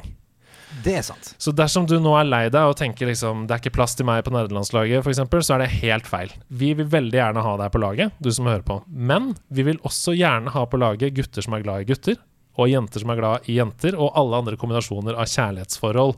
Og hvis du syns at det blir vanskelig, da står du ikke for den inkluderende og varme tonen som vi ønsker å ha på nerdelandslaget. Siden dette så har eh, skjedde, så har e-sportsforbundet trukket seg fra arrangementet og vil nå avholde det digitalt. Og noen av dere som som sagt da har reagert på vår avgjørelse i denne saken og sendt oss meldinger og sånn, de lurer på F.eks. så har dette argumentet kommet. Skal dere nå researche alle samarbeidspartnere i framtiden, f.eks. i liveshow osv., og, så videre, og finne ut hva slags holdninger de har? Og dette er en sånn viktig og interessant diskusjon som jeg gjerne vil ta med dere. Hva gjør man, og hvor går grensen egentlig for disse tingene? Og det er et stort spørsmål. Mm. Det er et veldig spør eh, stort spørsmål. Hva gjør man, og uh, hvordan dealer man med det? Men det er jo Det har jo kommet flere ganger en sammenligning, for det, uh, altså, uh, forbundet gikk jo ut og sa at sånn, ja, men disse er ikke arrangør, de er en arena. Sant? De er arrangør, og selvfølgelig de får betalt alt mulig. Og så var det noen som gjorde sammenligning, at, og det som å si at sånn, ja, men Qatar er jo bare en, en arena for et arrangement. Det har ikke noe med Jo, det har noe med, med alt annet å gjøre. Sånn at man må jo bare Altså, man kommer jo sikkert noen ganger i, i karrieren sånn, til å snuble at man ja, sånn som vi var i ferd med å gjøre. Man ser ikke koblinger før det er litt for seint, og så befinner man seg i en skinkig situasjon. Men det eneste man kan på en måte prøve, er jo å etterleve det så godt som mulig. At man eh, prøver å, å, å grave litt i det. Men selvfølgelig, vi kommer å, vi kommer ikke til å være paranoide og gjøre detektivarbeid med alle vi jobber med, eh, for å se eh, hva, hva holdningen deres er til, til liv og alt mulig. Sånn er det ikke. Men når det er en organisasjon som er veldig uttalt og veldig selvsagt i sin holdning til en spesiell ting, så er jo det veldig lett å ta det eh, valget. Men man vet jo aldri om, om, Rag, eh, om Ran, Randi som booker det til et eller annet, hva hun mener om ting. Nei, for det handler vel mer om å reagere når noe oppstår, Ja. enn å på en måte være paranoid i forkant, eller hva tenker du? Ja, jeg, jeg tror det. Og det, det er jo også viktig å skille mellom organisasjoner og mennesker her. Eh, og jeg syns du egentlig sier det veldig, veldig fint. Og det er jo uh, Man er alle gamere. Men, uh, men det Og, og det samme gjelder jo da for hva man har som gjester. At de, det kommer helt an på hva man representerer, i hvilken, i hvilken kraft man er der som gjest. Jeg synes det høres ut som en overveid beslutning dere har gjort der, og da eller det er, og det er jo helt lov å være uenig eller, eller ikke det, men eh, jeg syns dere begrunner det fint, og eh, også veldig fint at dere sier at det er, det er plass til alle her, eh, på alle måter. Yes. Men det er også veldig viktig da, folkens, at vi eh, er enige om at i et samfunn, for det mener jeg viskes litt ut om dagen, det er lov å være uenig. Ja. Vi har lov til å diskutere, vi har lov til å krangle, og så har vi lov til å eh, drikke en brus sammen etterpå og si akkurat det punktet der er vi uenige om, men det betyr ikke at jeg syns du er et dårlig menneske for det. Ikke sant? Vi, Nei, vi må nei, kunne det, liksom være uenige. Okay. vi er, vi er uenige, og det betyr bare at vi skal ikke leke så mye sammen. Vi skal ikke Mm. leke sammen, men uh, vi trenger heller ikke å banke dritten ut av hverandre. Det er sånn, Vi er uenige, så vi, jeg kan leke med mitt, og du kan leke med ditt, og så, så lar vi det være med det. Mm. At ikke det alltid skal være eh, grobunn for liksom, konflikt og raseri og osv. Ok, dere. Litt uh, alvorstynget uh, nerdenytt denne uka, men eh, mye fint også. Mye Ja, å glede seg til. Ja, Axiom Verge 2 remasters av GTA-spill. Mye fint på trappene, men jeg syns vi skal gå videre. Bare én runde til! Mitt navn er Andreas Hedman. Dette har vært Nerdenytt.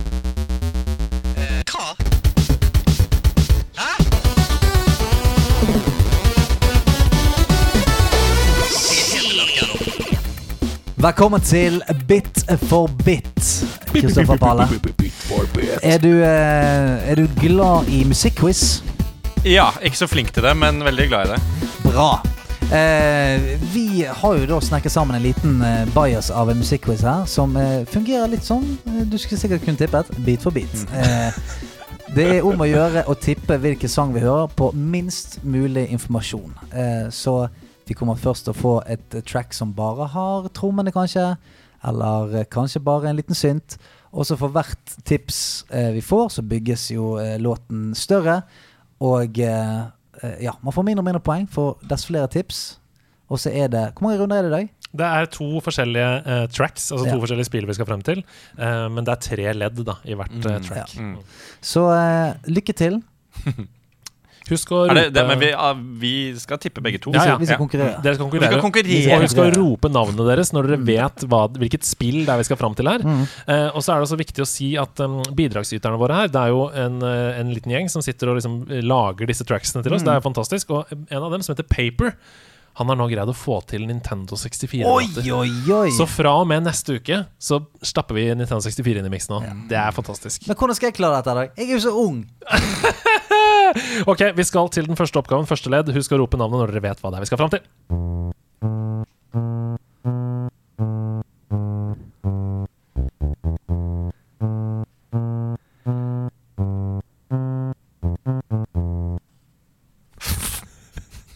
Ja, Kan hva du, var dette for noe, kan du få noe? hint? Kan du Hva si hva dette for det noe ompa-lyder, da?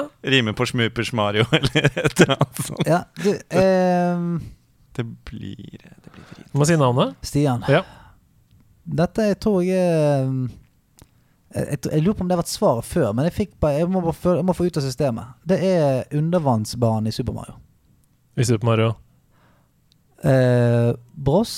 Super Mario 1. Så, nei, Super Mario World. Ja! Nei, fy Ja, ja, flate! ja. Det er, Undervannsbanen i Super Mario World! det Er er det det mulig? sykeste. Det har aldri vært en oppgave før, og her er det fulle tracket.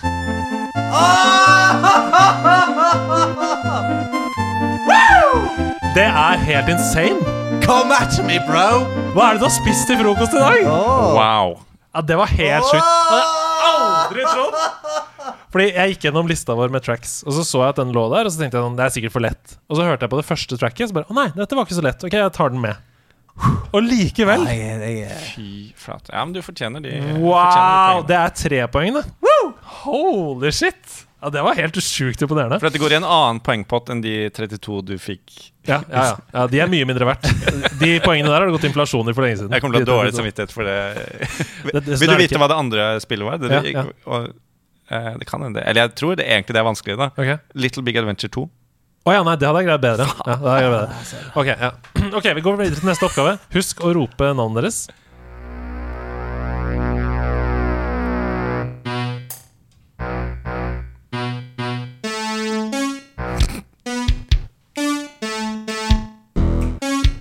Hva slags feeling er dette?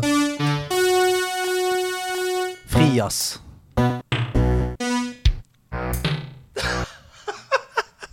Det gir jo ingen mening når du bare hører et ledd, men ok. Det er jo noen synter her. Noen drums. I am afraid of no ghost. Skulle, skulle til å si Euphoria med Loreen i starten, men eh, Men uh, Nintendo 64 er fremdeles ikke i Nei, det er ikke med ennå. Nei, ok. Det, det, vi skal lenger bak i tid enn det. Mm. For det kunne vært litt sånn Perfect Dark-feeling i det. Jeg kan si at det er samme konsoll som den, det forrige spillet. Uh -huh. uh, eh, oh. uh, eh, dette her Dette her er NBA Jam eller noe annet. Det er NBA Jam. Nei, men Hva er det som skjer?! Det er Du har, ikke, har, du, hvor er du, har du sett fasiten? Hør, hør, på hele, hør på hele tracket.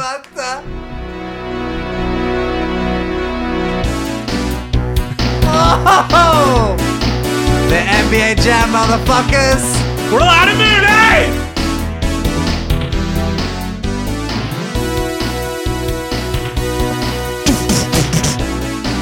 Sykt fett, da.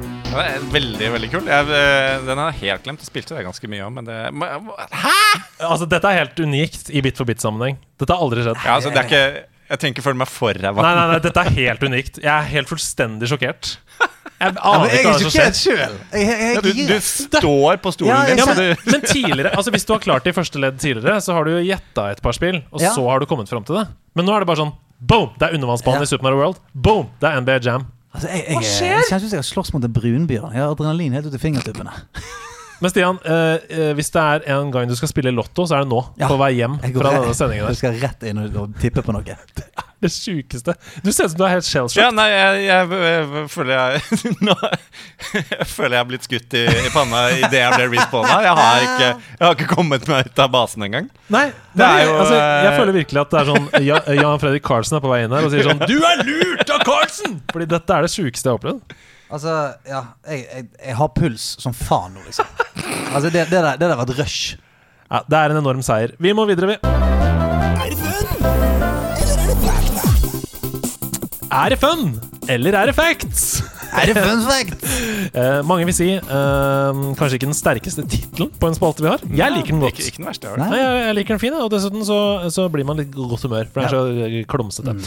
Er det fun eller er det fact? Det er en slags organ vi er her nå. Vi er en slags eh, X-faktor-dommertrio som stryker X på, på denne facten som jeg skal lese fra nå. Det er ikke noe jeg har funnet på. Dette er en fact.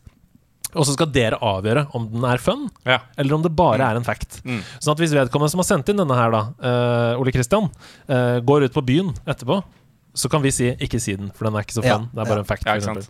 Men, men og, og omvendt så kan han si denne har nederlandslagets seal of approval. Yep. Seal of fun Ja. fact approval. Mm. Ok, her kommer fun facten. Eller facten. Visste dere at det er et angrep i Pokémon som er oppkalt etter en norsk idrettsutøver?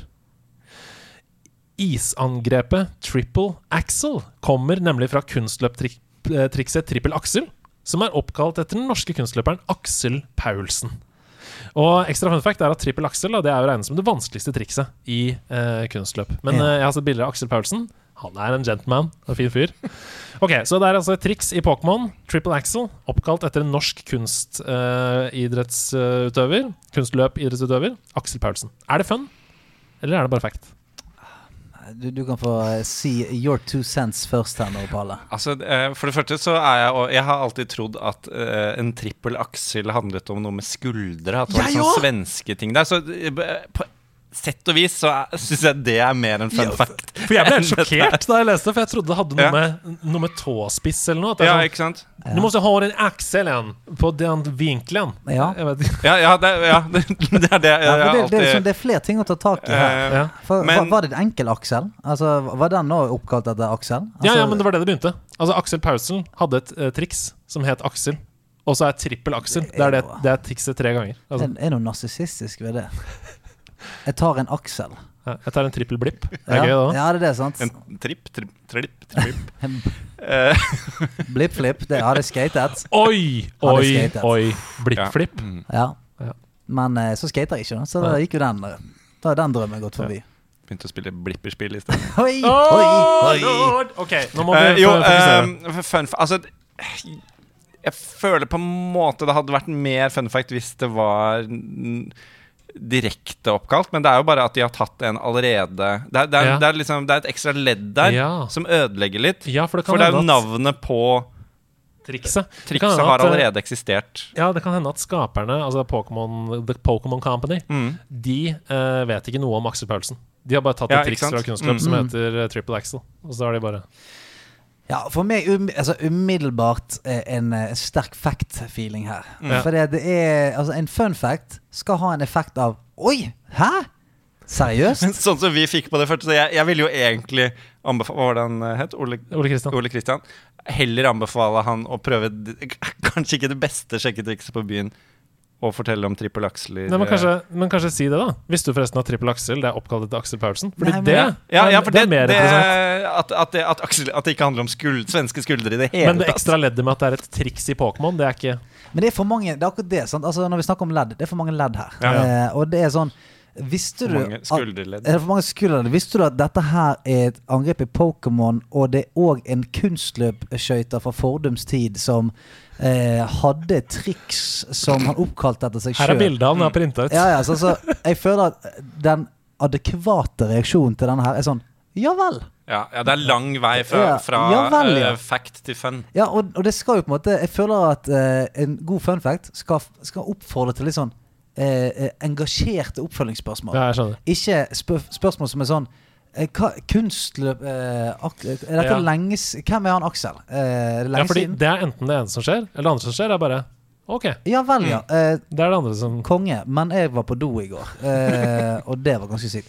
Eh, så lander, lander vi på fact. Ja, det er, Vi lander på fact. det er en fact, altså. Ok, da vet du det. Ikke ta den eh, i noen sammenheng. Nei. Eh, det er ikke en fun fact. Med mindre du befinner deg eh, på en fest der det er mange kunstløp-fans. oh, nå er det god. Nå er det god. Og, og Aksel sjøl er der, eh, kanskje. Og da tror du ikke han vet det selv?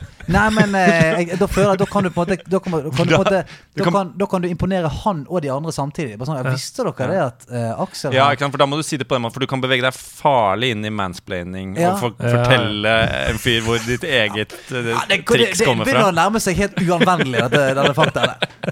Kanskje hvis du er i en situasjon hvor eh, du, du står med kniv mot eh, halsen, og så sier de Hvis du ikke sier meg en fun fact nå så Ja, men da er du død da. Ja, okay. Det må være, eh, hvis ikke du sier meg Ole Kristian, dette er helt uanvendelig. Ja. Vi går videre. vi. Ja, hva er det du, jeg, Forresten, jeg kom nettopp på eh, hva du burde kalt barden din i, i, eh, i Skyrim i stedet for. Bard Hoksrud. Vi skal videre til korktavlespalten vår. Ja, Den jeg, jeg eh, ned.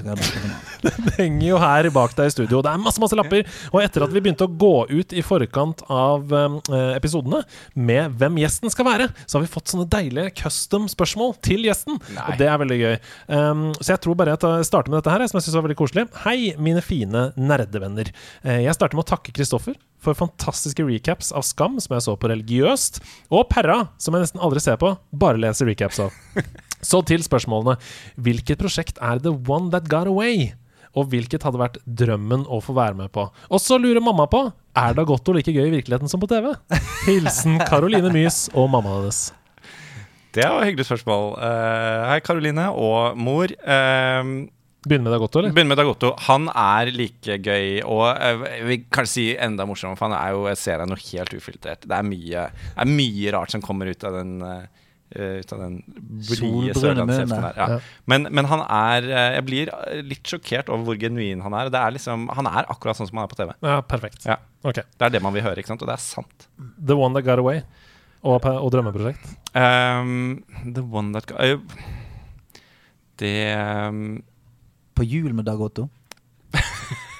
Nei, altså eh, jeg tror Jeg har jobbet i det her, jeg begynner å bli mange år siden, men jobbet med en eh, humorserie. eh, som var, Vi hadde den inne hos NRK, og, men det var liksom, som, ofte, som det ofte er, en, en lei og lang utviklingsprosess. Eh, og de sitter De li, blir liggende der i og liksom går fra uh, Og så er det, ja, det er veldig dyrt, og det, jeg vet ikke om det hører til drama eller til underholdning og sånn. Eh, og så tror jeg egentlig vi hadde begynt å få litt fart på den, men så plutselig kommer det noen andre og lager en humor-vikingserie.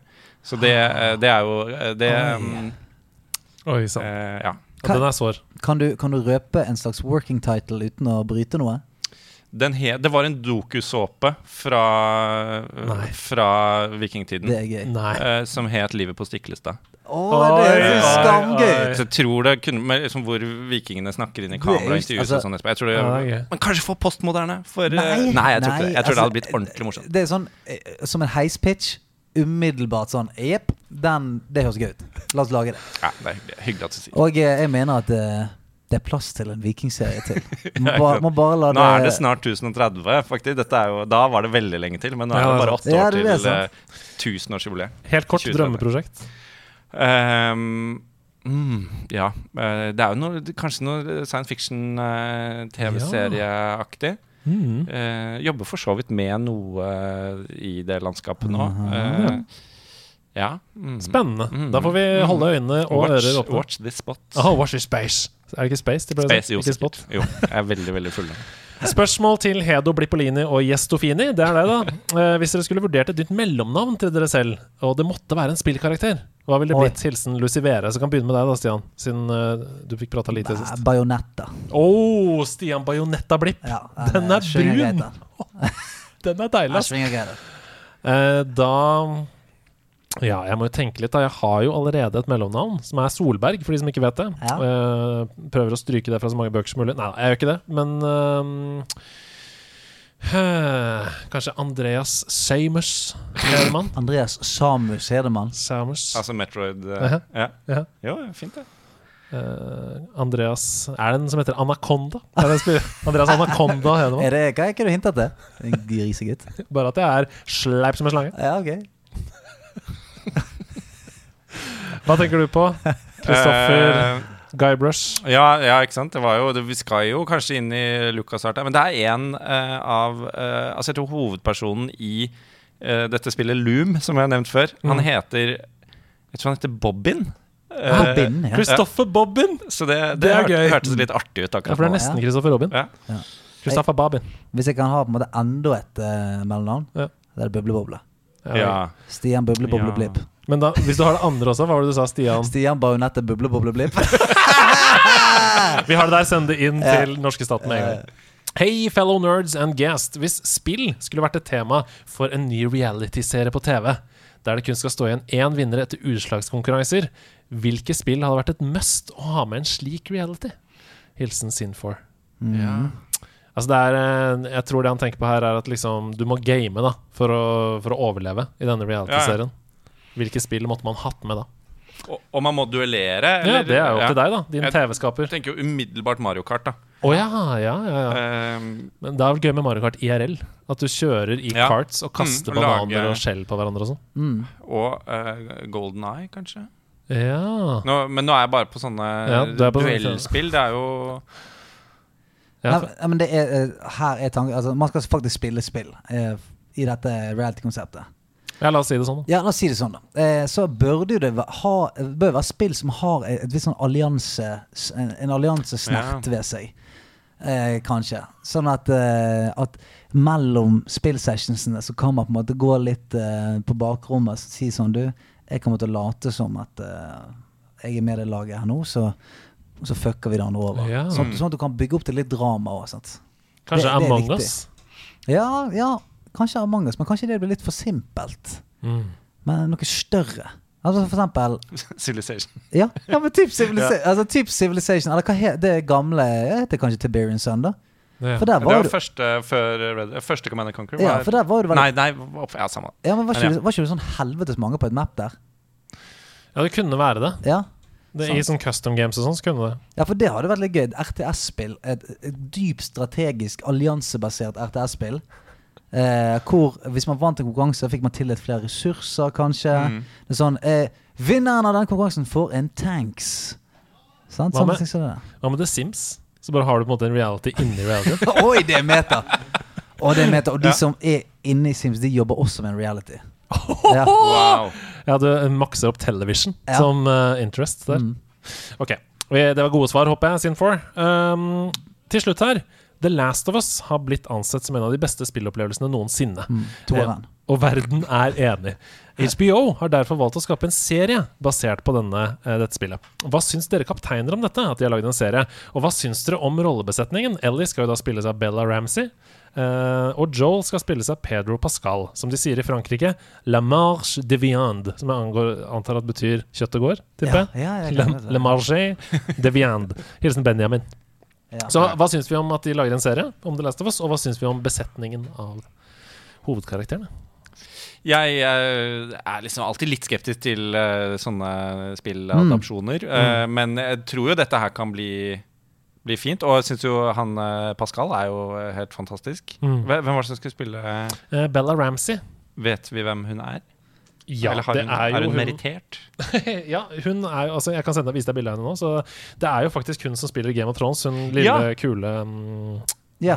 dronningen. Ja, Eller hun hun- lille, Ja, lille ja, ikke sant? Mm. Eh, Lille til eh, oppe på Bear Island der. mm. Ja. Her er faktisk et bilde av Ellie og Bella ved siden av hverandre. Så kan dere jo se Mm.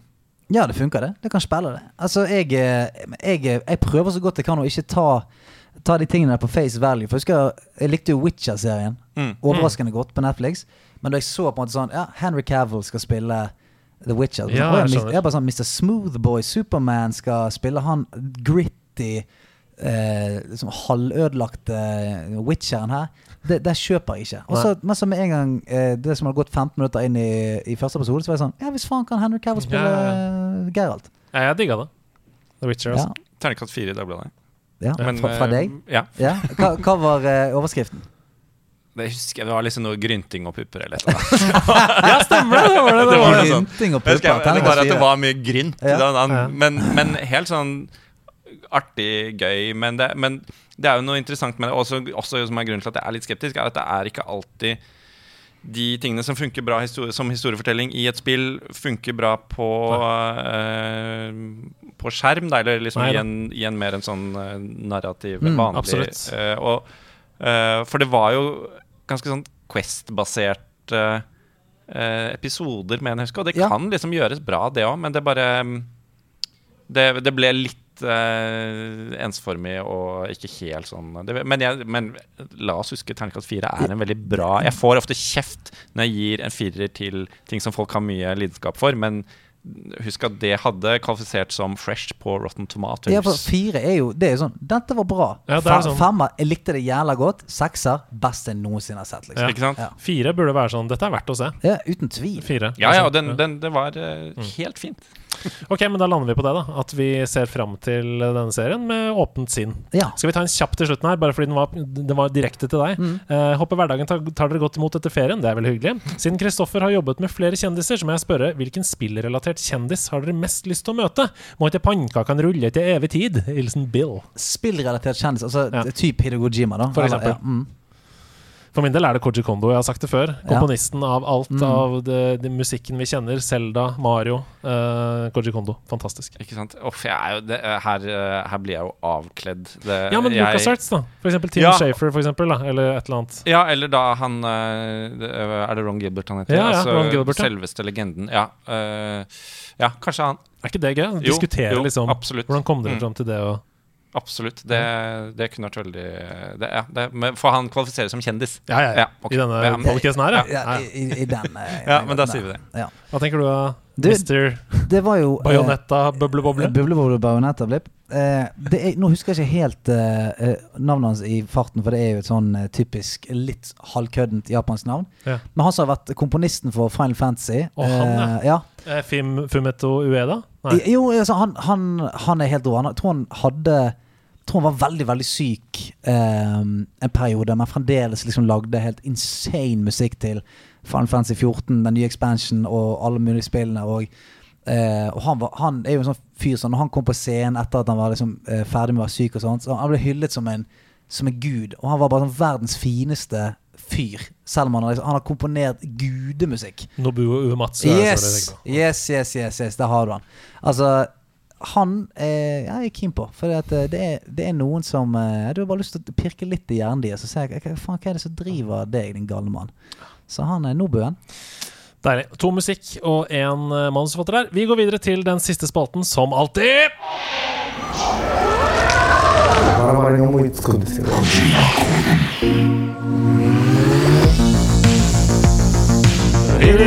バ podziemia na tatami Borneo. Come on, baby. Hideo sitter du på andre siden av bordet? Kotsrua kan med deg. Hjertelig velkommen til Kojima-koden. Denne deilige quiz-rebus-spalten. Jeg merker nå at jeg skrudde volumet på uh, tracket altfor høyt, men det var deilig. Ja, ja, jeg skreik bare. Skreik alt jeg kunne. Ja, så jeg bare eh, Kort eh, digresjon og veldig imponert. Jeg, nå har jeg hørt på denne podkasten før, så har jeg trodd at dette er ferdigspilte jingler, men dere synger jo live. Ja, det er dødsgøy. ja det her er Noen ganger går det bra, noen ganger går det Det går alle veier. Ikke Det går så alle bra. veier. Ok, eh, Kojima-koden. Der har jeg altså skrevet en rebus der vi har lullet et spill inn i rebusen. Og dere skal deschiffrere, og dere må slå hodene sammen for å finne ut av hvilket um, spill det er. Det er to ledd. Dere kan få to poeng for første ledd, ett poeng for andre ledd. Og de poengene dere samler her i dag, kan dere bruke i Korv-Jima-boden, som vi skal sette opp på slutten Ja. av Og sesongen. det, det, det har han lovet meg at vi skal. Der Så, en eh, pølse koster fem poeng. Så Ok, jeg bare kjører på her, jeg. Her kommer første Kojima-kode. Første ledd. Skal jeg gå for det? Ta ned Janine og syv til? Eller løpe og grave i minispill? Wow. Janine og syv til? Eller løpe og grave i minispill? Skal jeg gå for det? Ta ned, var det du sa? Eller ta med? Ta, Ta ned. ned. Ta ned Janine og syv til. Er det uh, enten Altså er det noe man skal samle? Altså åtte ting. Er det et våpen, eller Ja, jeg bare tenker at Janine, er det Hva er det for noe? Er det, er det en Men- person? Er det, er det en, liksom, typ, en prinsesse av åtte? Ja, ikke sant? Det det, Ja. At man skal samle inn åtte stykker, og da kan man gå til, eh, til eh, bossen og liksom fullføre Ja, spillet. Eller, Ellers så er det minispill du kan gjøre mellom der. Men da er det jo det, jeg, bare, jeg, jeg har ingen anelse hvorfor, men det hørtes ut som et våpen som blir kalt Janine. Janine. Ah, ja, men det kan jo faen være Nå husker jeg ikke nå, nå er det ganske lenge siden jeg har spilt for eksempel Ja, men sånn minispill er ikke det heller, vet du. Og syv til. Åtte. Er det noe som har åtte i I, i, i tittel, kanskje? Eller Nei, altså Løp og grave i minispill. Hvor faen er det du kan løpe og grave i minispill? Men så løpe og grave? Er det, det er, skal fy, fysisk grave Ja, det er en direkte graving. Mm. Sånn, Så løpe og grave i minispill. Det er kanskje to ulike spill. Ja, sant? Digg eh, Diggedag. Ja. Faen, altså. Mm. Ok. Ja. Ja, jeg, tror ikke jeg klarer dette. Nei, nei men jeg, jeg, jeg har ikke nok eh, å spille på. Jeg, Nei, da tar vi neste ledd også. Ja, ja. Prime eller Petit Cup og fire eliteslamper. Jeg kan ikke samle. Her er det kun kamper. Prime eller Elite Cup? Skal jeg gå for det? Ja. Ta ned Janine og syv til? Eller løpe og grave i minispill? Prime eller Petit Cup og fire eliteslamper? Jeg kan ikke samle. Her er det kun kamper. Jeg kan ikke samle. Her er det kun kamper. Ah, Faen så irriterende. Ja, er, er det en Janine Cup, og så er, er det syv andre cuper? Men er det, er det noe uh, Er det noe Mario Kartete, eller er det Altså, jeg kan ikke samle uh, Altså at man Det har liksom ikke noe å si hva du har gjort før. Det er Nei. bare nye kamper. Uh, du samler ikke opp poeng, da? Eller Jeg kan jo si at tradisjonelt i denne spillserien så samler man. Ja. Jesus Christ. I Ja. Ja. Pokémon Stadium. Det er riktig! Er. Pokémon Stadium Veldig på pent. Nintendo 64! Og Janine er da en av de åtte gymleaderne Ja. i Pokémon Stadium. Ja. Eh, du løper med Run Ratata Ja, Run, minispillet, eller Dig Diglet Dig, minispillet. Eh, og det er altså da Elite Four, Ja. som er de fire Ja, Ja, og på T-cup da spiller du bare liksom eh, første evolusjons... Absolutt. Eh, og så kan du ikke samle. Du kan bare spille mot ja, andre. Den er god. Ok, her er den andre oppgaven. Dere fikk ett poeng. Ja. De fem jeg skal bruke, er best når like. I et spill der sjansen må tas ved krise. Litt nødrim der. Ja, det var, den var tøff. Eh, de fem jeg må bruke, er best når de er like. Og jeg må bruke når det er krise. De, fem, de fem jeg skal bruke, er best når like. Mm. I et spill der sjansen må tas ved krise. De fem jeg må samle, er best når de er like. Mm. Ja vel. Nå henger du fast på samle. De fem jeg skal bruke, Ja, bruke. er best når like. I et spill der sjansen må tas ved krise. Det er, ikke- det er faen ikke mye å kjøre på med det. Sjansen må tas når krise. Må man ikke det alltid? Men Da er det en eller annen spesiell greie. Ja, Sjansen må at man har en eller annen nødknapp, eller eh, det er sånn- eller at det, at det er et spill som er sånn Du må, du må racke altså, At du må racke opp angrepene dine ved å på en måte En slags rulett eller et eller Ja, annet. ikke sant? Ja, noe sånt. Se, hvorfor ler du så jævlig der For borte? dette er så bra. Dette er så bra oppgave. Eh, Å ja, du, du, du, oh ja, det er ikke resonnering som er bra, det er oppgave som er bra. Han Ja, koser seg over at fy faen, for en smart fyr jeg er.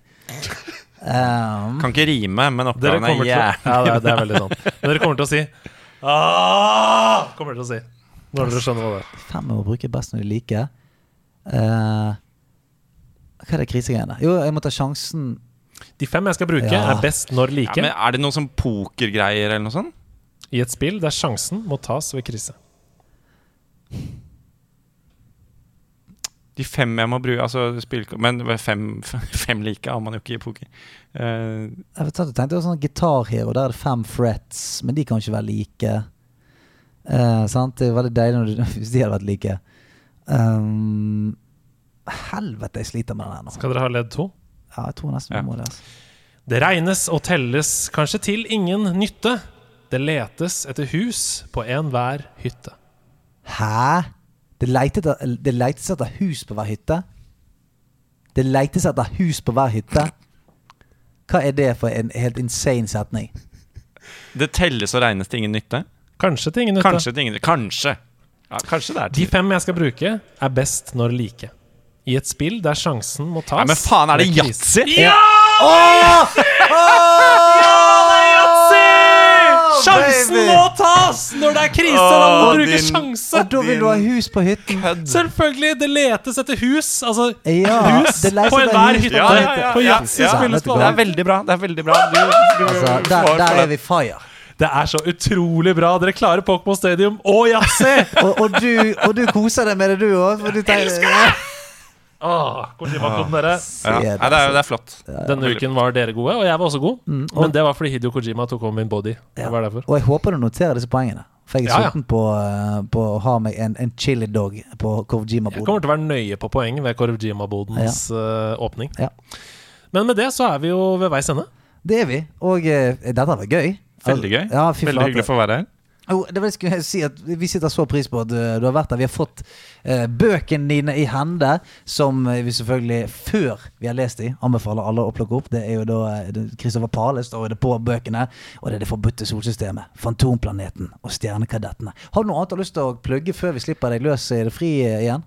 Eh, kom på quizen til Assemei. Jeg vet ikke hvor, hvor mye han plugger den selv her. Nei, veldig. Nei, men han flau over det. Ja, ikke sant? Han, skal, han skammer seg mye over det. Uh, jeg er uten skam. Vi har quiz eh, stort sett hver uh, onsdag, men vi har en Facebook-side hvor man får vite akkurat når det er. Så kom på det.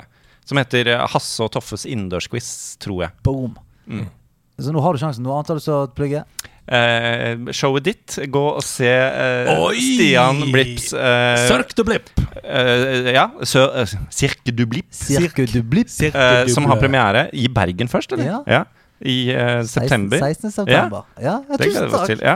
Fy flate, det. Og inn på myspace.com slash Andreas Hedemann. Ja, ja, men jeg skal plugge deg òg. Mm. Kjøp leiligheten til Andreas. yes! Det er det viktigste dere kan gjøre for å redde mitt liv. det er veldig gøy. Du kan enten, uh, enten bruke et par hundre kroner på uh, en trilogi med bøker eller et show, eller fire millioner på en leilighet.